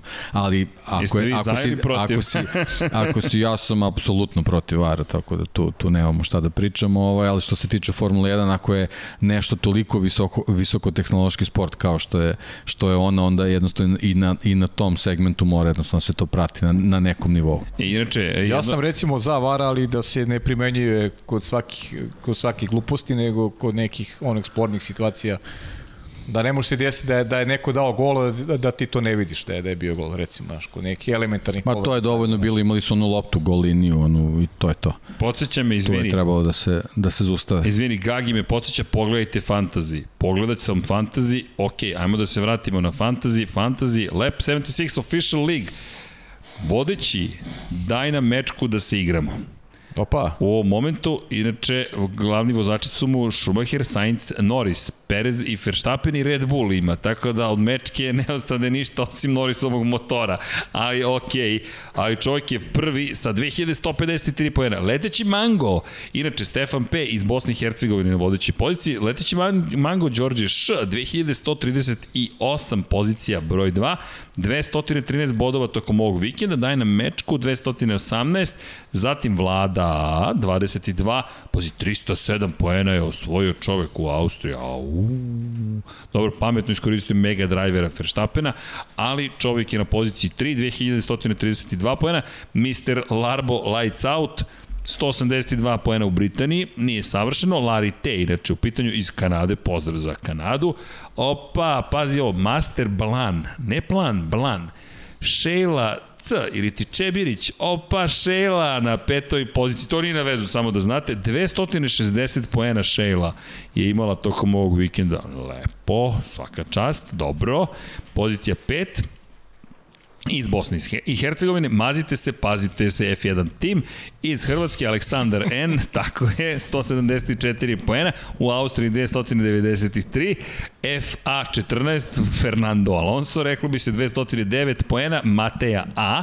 Zatim Vodka Red Bull, Nenad M, 205 poena u Silverstonu, Sjedinjene američke države pozicije 7, na poziciji 7 izjednačen sa Mateom A, 2096 pojena iz jednog i za drugog, zatim Nikola Tim 1, Nikola O, 174 pojena, ne baš savršen vikend u Velikoj Britaniji, čekaj da vidimo ko, na koga su tipovali, tu ceni da je Max, da Max je vodeći vozač, to je priča, u Gasli, uf, Gasli, težak, teška tema, Nikola Tim 1, a ovo slušajte, sl, pa jo, slušaj tim na poziciji broj 10, Stefan S, vodi tu ekipu, 205 poena u svojoj Velikoj Britaniji, a tim se zove Deki Legenda. Dobro. Ko je taj Deki? Nema to veze, E, samo neki, sigurno. da, nema nikakve veze sa 100%, Dekijem. sigurno. da, ima Deki Stanković. Deki. Savić. Deki Savić, da, da, da, Da. Deki Legenda, vala da znate da je urednik Legenda. Sportsmagazin.rs, posetite obavezno Sportsmagazin, zašto? Zato što, čekaj da to ubacimo ovde, Spo, moram www da upišem. www.sportsmagazin.rs Evo, o, nadam se da vam linkovi rade, ali dobro, ako ne, uđite u Sports magazin i podržite Dekija, piše o svim sportovima, tako da, a stiže, stiže šta? Olimpijada u petak počinje. Olimpijske igre. Olimpijske igre, Ne, olimpijada, to je Tako je. potpuno drugačije. jeste. Olimpijske igre, letnje, oli, loji Olimpijske igre, i da. zoji. Zimski. Da, ovo prvi put se dešava da je olimpijada počela, a da. za sledeći ciklus. Tako je.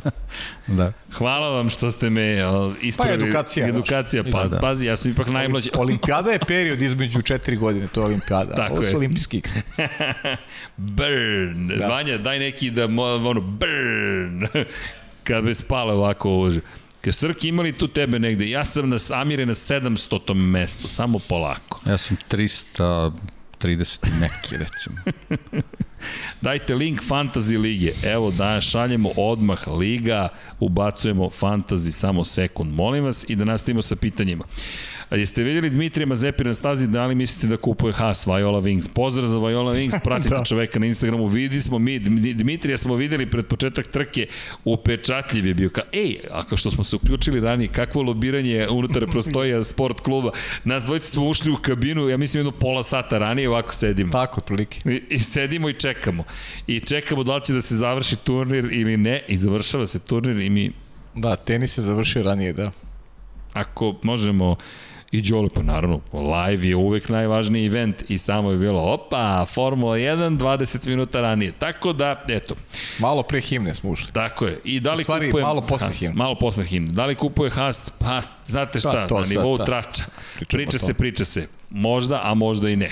Šta Bar da vam da pametnije kažem? Emanuela Cetinića koji Neko još... leti u svemir, neko kupuje ekipu Tako je. Formula 1, njihov je novac, tako da... Deki, najavljuješ Kosmos 76 Još u, još u nedelju me je zatražio ovo da, da podsjetim no, na 2018. godinu kakve su reakcije bile na Maxa Verstappena i onaj incident sa Sebastianom Vettelom posle dve pobede Sebastiana Vettela, tako da ok, mislim, možemo toga da se posjećamo u milion situacija, ali fokusirali smo se Svaka isključivo sezona na bar svaka pet ima. sezona ima. Svaka da. situacija, svoja priča. Jeste, Kao jeste. Christian Horner, posle Velike Britanije, posle Barcelone, šta je rekao?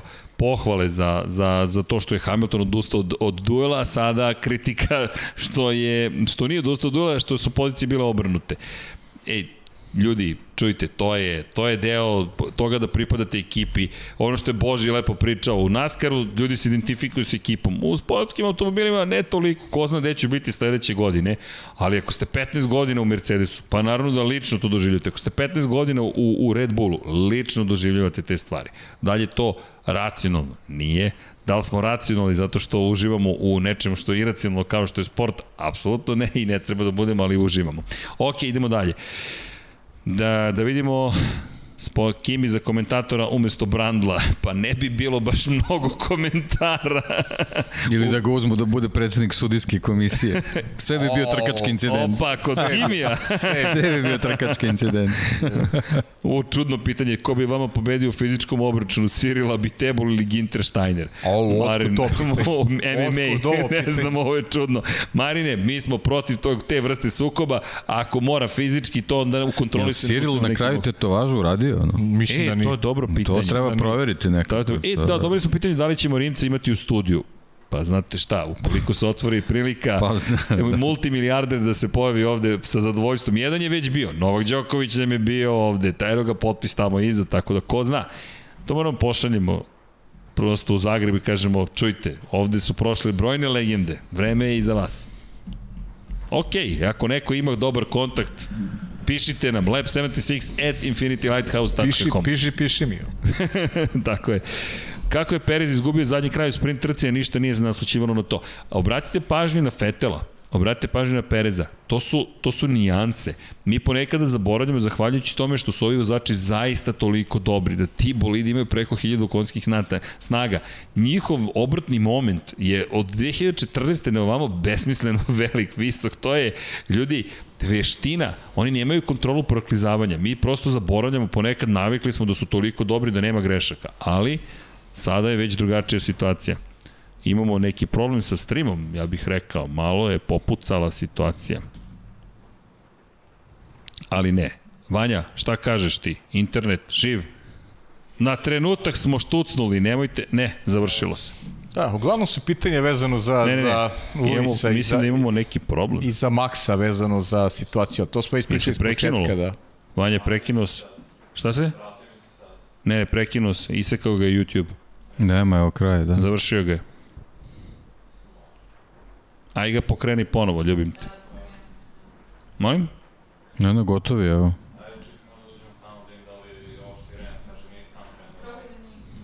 Ne, ne, ako je krenuo sam, sve je u redu, samo što je YouTube, onda jeste, jeste, YouTube je. Eto, čujete i kako mi diskutujemo, da li je krenulo, nije krenulo, A, dobro. ali ovo nas je YouTube isekao. Uživo program. Predugo smo trajali, ovo, Uživo program. u live-u smo. Pa dobro, ako smo u live-u, čekaj Vanja da stavimo link ljudima koji su bili na prethodnom streamu, puče stream, to se tako zove, popularno, reload, reload. Ovo me podsjeća na, na Toma Cruza, reload, reload. Čekajte da stavimo na chat prethodni. Opa, evo nas ovde.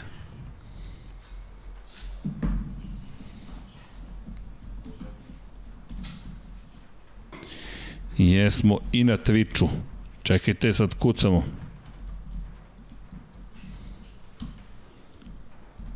Twitch. Jesmo na Infinity Lighthouse ili na Serceg? Na Serceg, evo ga ovde. Tu smo. Čekajte, izvinjavamo se. Ih, kako? Ajmo, a pre neki aerodatak za brži, brzi net. Ali nije do neta, net nam radi. Sad ne znam šta se desilo tačno. Ali dobro. Ok, tu smo, ponovo. Ako ste tu sa nama, YouTube je iz nekog razloga isekao i onda otvorio novi stream. I, ali znaš pod kojim nazivom? 99 yardi.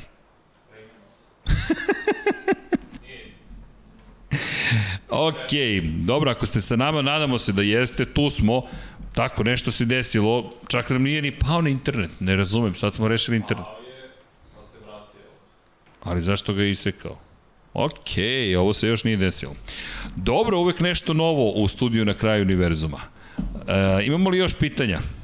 Pa ima, kažu ti, vezano su uglavnom za, za duel Maxa i, i Luis. Mo, možda ovo nije, od Srđana Aleksića. Šta se dešava sada sa Maxovim motorom ukoliko ne može da se koristi? To znači da će morati sa trećim da vozi do kraja sezone ukoliko želi da izbegne grid kazne. Da. Pozdrav još jednom celoj ekipi koja pravi jedan od najboljih podcast sadržaja na ovom govornom prostoru. Hvala ti, Hvala Srđane, da, na Hvala. lepim rečima. Hvala. Da, mora da koristi još jedan motor ukoliko želi da izbegne kaznu. I to je ono čemu smo pričali, čim smo videli incident, ne radi se o ne radi se o višoj sili. Ovo se radi o trkanju. Prosto su se trkali, izgubio je tu trku i došli smo u situaciju da sada mora da mora ekipa da razmišlja o tome kako na polovini sezone gotovo nemoguća misija. Pitanje je šta je ostalo od prvog motora, da li prvi motor mogu da koriste u slobodnim treninzima, pa tu malo da kompenzuju, ali opet to nije idealna priprema za samu trku. Naravno. Mislim da će morati već sada, da već sada zapravo... Pri tom imaš dve trke sa sprint kvalifikacijama. Da. Jeste. Mislim da imaju izbor trke kada će zapravo uvesti novi motor i pretrpeti kaznu. I mislim da će to biti staza na kojoj je najlekše preticati. Pa neka. Možda čak. E, ali slušaj sad ovo. ako možeš, znaš gde bi mogli to da urade? Ako se bude zaista vozilo tamo, u Brazilu. Mada je to kraj sezone. Ali opet, zašto Brazil? Pazi sad ovo, u Brazilu imamo sprint kvalifikacije. U Brazilu možeš da pretečeš lakše nego na drugim mestima, na startnu ciljnom pravcu. Ako dobro odvezeš kvalifikacije, zame, čak i ne moraš da voziš dobro kvalifikacije, odeš na začelje, odvezeš dobro sprint kvalifikacije i ti nadoknađuješ dosta pozicije u toj A lepo trećini. si rekao, ako se bude uopšte vozilo u Brazilu. A to, to je naravno pitanje. Mislim da će sada tražiti zapravo trku gde je najlakše preticati Pa, logično. i da će tu prihvatiti kaznu novog motora, ali mislim da je ona gotovo neminovna u ovom trenutku. Ono što smo vidjeli u Moto Grand Prix, nažalost, Tajland je otkazan, Australija je već bila otkazana, veliko je pitanje da li će se voziti u Sepangu, što opet govori, nažalost, u prilog tome da vjerojatno nećemo ići u Japan ove godine na Suzuku. Pa ja mislim da je Japan gotovo izvesno. Pa evo, ču, čuo si priču i Da, imamo priče vezano za olimpijske igre. olimpijske igre da možda da će Tako je. možda biti otkazan ipak u posljednjem trenutku. I to I tri dana pred priča. početak, A, tako da. je. A sada je već dva dana. Sada već praktično dva dana, da. Ili dan čak. Ma da, da, zavisi kako računaju. Tako Sutra je. već kreću neki, A, da. neki programi. Da, u svakom slučaju ovaj stream, ovaj presek streama nas je malo isekao, pa je većina ljudi otišla, ali za one koji su tu, mi nastavljamo, jel te, program, pa ukoliko imate neko pitanje, dajte da iskoristimo, a onda završavamo lagano, pošto je mnogo ljudi i nestalo. Ali, za one koji su verni, da čujemo šta imate da pitate. Kako me komentarišete odliku Red Bulla da im je važnije da otkinu bod Luisu nego da ga Perez osvoji? Hoće li ta foku- fokusiranost Red Bulla na protivnika umjesto na na kraju koštati? Ma neće šta, šta Pa i košta. nije to, je, Semire. to je logična odluka. O, ovde su morali to da učine, zato što oduzimaju poen i u šampionatu konstruktora i u šampionatu vozača. Ovo je jedini mogući potez. Nisu se bavili sobom, e, drugima, dok nisu ušli u situaciju da je to jedino što im preostaje. E, ukoliko dozvolite da Hamilton osvoji taj poen, za poen smanjuje razliku u šampionatu sveta u konkurenciji vozača. Za poen se smanjuje razlika u šampionatu konstruktora. Ovako, vi zadržavate makar neku malu prednost. Zamislite ukoliko na kraju sezone, a bilo ih je, jedan poen presudi šampiona. To je taj možda poen koji je Perez učinio. Ova trka, ova trka može da bude iz retrospektive ključna trka baš zahvaljujući tom poenu Serhija Pereza, koliko god trenutno izgledao banalno. Pa svake nedelje pričamo isto, bukvalno je. ta borba za poen je postala vrlo važna i svedoci smo šta sve rade vozači da bi došli do tog jednog poena, mislim na, na tu relaciju a, Mercedes i Red Bull, tako Da. da, očekivam potez Red Bulla i rekao bih i logičan potez. Pita Mihajlo Tana- Tanasković, kaže šta znači žuta boja na bolidima tokom treninga. Žuta boja je takozvana flow vis boja. Boja vizualizacije protoka vazduha preko bolida gde aerodinamičari, inženjeri generalno mogu da vide da li ono što su testirali u, avi, u, u vazdušnom tunelu zaista ima korelaciju ka onome što se događa na samoj stazi. Vi u vazdušnom tunelu radite s modelima koji su u srazmeri. Srazmera 1 prema 2 je obično u pitanju. Koliko god ona bila dobra, nije idealna. I još jedna stvar, to je vazdušni tunel to je dinamički mnogo jednostavnije okruženje nego kad izađete na stazu. Temperaturne razlike, gustina vazduha, vlažnost vazduha, e, ponašanje drugih bolida na stazi, asfalt, e, nepravilnosti na samom bolidu prilikom opterećenja oslanjanja na levu ili desnu stranu. Mnogo faktora utiče na to šta ste uradili u vazdušnom tunelu i ono čuveno korelacija. Vi tražite da napravite što bolji model, što u simulatoru, što u vazdušnom tunelu, između onoga što se dešava na stazi i što ste vi mislili da će se dešavati na stazi. Kada namažete boju, ljudi, vrlo je jednostavno, baš je jednostavno, sve je jednostavno, možda je kompleksno, ali suštinski jednostavno, ta boja se razmaže pod uticajem kretanja kroz fluid, u ovom slučaju vazduh, i vi dobijete vizualizaciju toga kako obstrujava vazduh u skladu sa onim što ste imali kao model u vazdušnom tunelu. Eto. Vaše je, o, o mišljenje o tome da je Lando najkonstantniji vozač na gridu. Ljudi, Pa, Nema mišljenje. E, Može on je, da rezultati govore. da da. ponovimo, on je novi rekorder McLarena po broju uzastopnih trka. McLarena, u celoj istoriji McLarena, koji postoji preko 50 godina, nije postojao vozač koji je u 15 uzastopnih trka osvojio poene do Landa Norrisa. Lando Norris je to postao sada u Velikoj Britaniji. Fascinantno. Fascinantno. Ne, ne prosto neverovatno. I eto, tako da, šta mislimo? Mislimo da je fantastičan. Možete li reći koliko koji vozač ima potrošenih motora Mateo Lovrić? Mateo ne znamo na pamet, to moramo da proverimo tačno stanje, ali mislim da su svi vozači na motoru broj 2.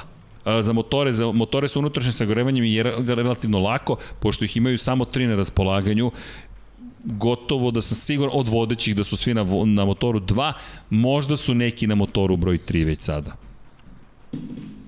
Znali se nešto o prenosu Formula 1 na sport klubu? Za sada ste bezbedni, šta da vam kažem, do kraja godine možemo da vam potvrdimo, ali za ostalo ne znamo da, ne mi pričamo, nikada. Da, nema, da, da, tako je. Ali tu smo. O tom potom, tu smo. Da. Bel, velike nagrade Belgije, šta mislite, tenzija će biti još veća nego u Silverstonu, jedva čekam. Gorane moguće, ali samo zamislite sledeće. Ljudi i sa ovih prostora idu na Hungaroring.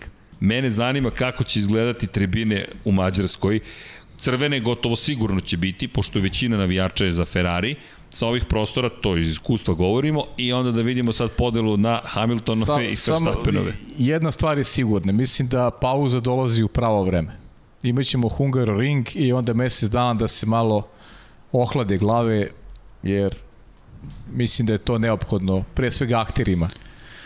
Da Evo samo da se ubacim, izvinjavam se, uh, Vettel, Ocon i Russell su na trećem motoru. Na trećem motoru. Da, ostali, su, ostali su na drugom. To je to. Vettel, Ocon i Russell. Tako je. To je to. Vettel, Ocon, Russell, dakle jedan Mercedes, jedan Renault, dva Mercedesa, jedan Renault. Okej. Okay ali to je sad i pitanje incidenata i odluka i pouzdanosti motora koji ste dobili. Imam poruku od Bože Tatarević. Da. Kaže, moramo da uradimo razmjenu majicu uskoro. Meni je Lab 76, a vamo koju Boži bot majicu. Boži, e da, Boži bot. Ja, on ima fantastične majice. Znaš šta moramo se dogovorimo sa Moramo njim? to da uradimo obavezno. Da, moramo, moramo, moramo. I da, da ih uvezemo. Ne, ne, proizvodit ćemo ih, nemojte da brinete. Dom Pablo je već se smrko, već se oblak pojavio u sred studija, verujte, iznad Dom Pabla. Hoćemo Boži, hoćemo obavezno, Boži. Ljudi, pošto nam se, eto, čudne stvari su se izdešavale, ali e, koliko je, 23.39. Još 6 minuta i završamo. Jel može tako da zatvorimo? Šta mislite o tome kada su crvene zastave istaknute nema promene na bolidu u boksu? Nikola, apsolutno da. se slažem sa time. To je problem koji mi imamo kao kolektiv još od Monaka 2013. ja mislim ili mislim da je 2013. kada je Vettel dominirao šampionatom i jedna jedina trka u kojoj ga je neko ugrozio zahvaljujući tome što je koristio stare gume, dolazi crvena zastava i Vettel i Red Bull lagano menjaju sve na bolidu. Nove gume, nova krila, novi delovi, vi imate novi Red Bull i u to vreme trostrukog šampiona koji ide ka četvrtoj tituli, koji lagano brane poziciju. Samo da se ne zaboravi, nije Lewis Hamilton zajedno s Mercedesom jedinstven u istoriji Formule 1 po tom pitanju i Vettel je imao mnogo sreće u svojim šampionskim godinama. To tako ide prosto. Prosto tako ide. U tom momentu je ugrožen Vettel. Gume su na izdisaju. Pitanje je da li može da stigne do cilja crvena zastava. I od onda mi ponavljamo kako bi trebalo da se promeni pravilo, ali još nije. Mislim, Šta da dodamo, deki? Ispri, ispriča čovjek. Pa ne isto, ja bih samo dodao, ajde, možda može da se desi da, da da ako bi se to ikad menjalo da recimo delovi na bolidu čisto zbog bezbednosti mogu da se promene, ali apsolutno nisam za zamene gume. To je, to je nešto, znači ništa, kad krene ponovo trka, bar jedan krug moraš da, da voziš pa, na da gumu na koji pa da. si, pa menje posle ako, ako ti ne odgovaraju. Ali ovo je, to da bude puj pike ne važi, to mi je onako skroz bez veze. Jeste. Dobro. Još ste tu, outsider. Naravno da smo tu, pa kako, ne, ne. E, imaš puno pozdrava. Mila, Mila, milion ljudi te pozdravio. Hvala. Da znaš. Ne znam, deki, šta to znači za nas, ali Hvala, Hvala sa naše strane. Hvala i sa naše Tako, strane. Čim, čim jednog pozdravio, znači da pozdravio sve. Kako si ti divan, da pravi diplomata, divan si. E, da vidimo šta još ima. Ko je favorit za titulu u Formuli 3? Hauger. Sada je već Hauger. Sada se nameće kao tako. Da, sada već Hauger. Inače, Boško, da, bit će sutra Moto Grand Prix podcast. To smo se Deki ja, ja dogovorili malo pre. Prosto, Dani Pedrosa kada se vraća na stazu, ne možete da nemate, prosto ne, nemoguće. Šta još imamo? Zašto imaju timovi premalo motora tokom godine? Pa to je u cilju toga da se razviju motori koji su izdržljivi, smanji potrošnja, ograniče pa meni, budžeti. Meni je to okej. Okay. Ali ja moram ti priznati da bih volio da ih zaista imaju više, da imamo nekako više Formula 1, više prilike da opteretiš taj motor i kažeš daj da vidimo. A znam da je skupo, ali ali prosto bi bilo lepo. Ništa. To je, upali su zamku s ovih mnogo elemenata u hibridnom sistemu i to je baš mnogo skupo. Jeste. To je prednost bila atmosferskih motora i suštinski jednostavna tehnologija. I generalno, ovo, ranije, ranije dok je bila priča Ford je uglavnom snabdevao većinu, Ali- mogu si da kupiš 50 motora, nije problem. Sređene gurej, gurej do kraja pa i, i, i kaznu. Pa da vidimo kako se ponaša u toj situaciji sa nekom kaznom. Sve, sve to, sve je to deo, deo sporta. Deo zabave. Pa da. Dobro, šta još imamo? Imamo još 3 minuta, po dva motora, dobro, planiram između 5. i 6. hrista, ok, dobro, nisam pohvatao sve. Da li ste Stefanom, da li ste... Aha, ovo je komunikacija. Da li je Stefano Domenicali, da, da, da ste Stefano Domenicali, da li biste dali otkaz Masi, jer donosi baš loše otkaze od Pa da- zato što donosi od loša odlučka od kada je preuzeo ulogu glavnog sudije. Korekcija. Masi ne donosi nikakve odluke. Tako je. On je spona, on je spona tako samo. Samo predaje slučaj koji je video na stazi sudijama u ruke. Tako da Masi ništa ne odlučuje. Masi ima tim sudija, a on bira koji će incident predati sudijama na dalje istraživanje. Jeste. On pokreće istragu, ali on ne donosi sud. Čisto da se razumemo. A pričali smo s početka da je mogo da zauzme drugačiji stav On, tako je. u komunikaciji sa Hornerom, sa, ne znam, i Jonathan Whitley, čini mi da ga je on zvao isto, da ponovi Jeste. ono što je rekao Christian Horner, Jeste. dakle imao je više poziva i iz Red Bulla i onda onaj završni Tota Wolfa koji mu šalje mail. Mogu je to onako da stavi adakta ne, meni je taj vrlo lagano. e-mail, e-mail je postao mim ne, u to Formuli to je 1, ne- nisi ne- pročitao moj e-mail. Neverovatno. I ja bih mu odgovorio Toto. Sad ćemo prekinuti ovu komunikaciju. Ali zaista, em, vas dvojice me dovoljno poznajete da to, Pa. sukob sa, sa autoritetima, omiljena zabava, Ma, mislim, ne razumem o čemu uopšte diskutujemo ovde. To je samo uh, klik, e, dobili ste pogrešan broj. pogotovo što znaš da ja nisam fan, recimo, to, Ne, pri tom, Wolfa, znaš, ako, ako pogotovo je, Tako da, ako je, ako iskreno- si u čitavoj priči da je to trkački incident, što ti onda lobiraš nešto? Ne znam. Ali znaš šta je to meni fascinantno? Ti znaš da je ovo javni forum. To je više... Pa dobro, sve je to, da. Ja, da. deo, Da. deo, deo show biznisa. Ajde da ga tako nazovem. Da neko je zamerio što sam Da li će biti godina. to na Netflixu? Naravno da neće.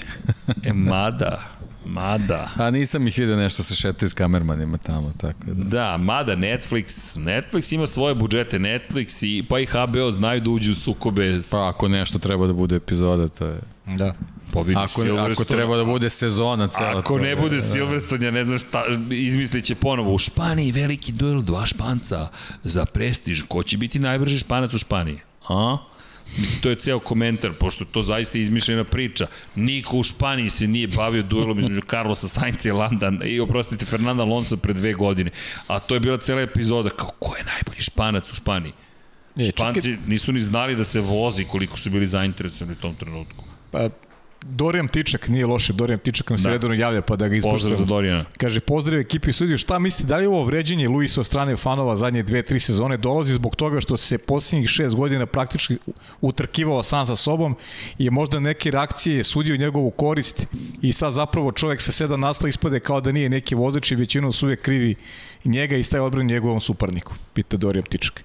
Definitivno ima toga da, da, da je, je mnogim ljudima a, i dosadio, činjenice da postoji, da postoji i taj pogled i da ljudi jednostavno žele nešto novo i da umeju da budu nekad pomalo i nepravedni prema nekome koji je obeleži istoriju definitivno, to, to nije sporno.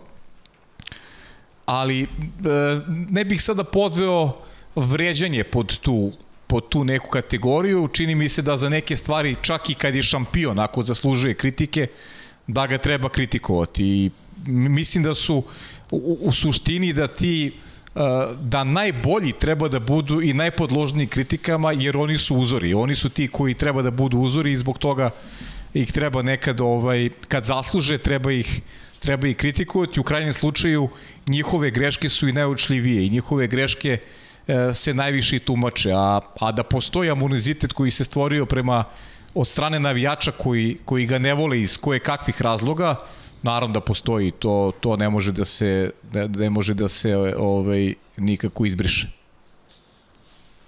Pa složio bih se s tobom, nemam šta drugo da dodam. Zašto čistim sto? Uhvatili ste me, spremamo nešto mi ovde. Ali činjenica je, Vanja, mogu da sklonim majicu? Mogu, hvala. može a Sklonit ću majicu samo za sada. Ona ide ovamo. Pošto nešto da vam pokažemo za sam kraj. Malo se igramo filmske magije mi u, u studiju na kraju univerzuma. I... Puko je stream. Puko je stream ponovo. E, završio se. Vanja, ne znam šta je, jel smo isključili buffer? Ne.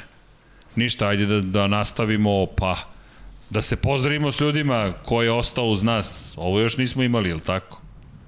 A čekaj, smo stavili oba, pa sve smo uključili ovoga puta.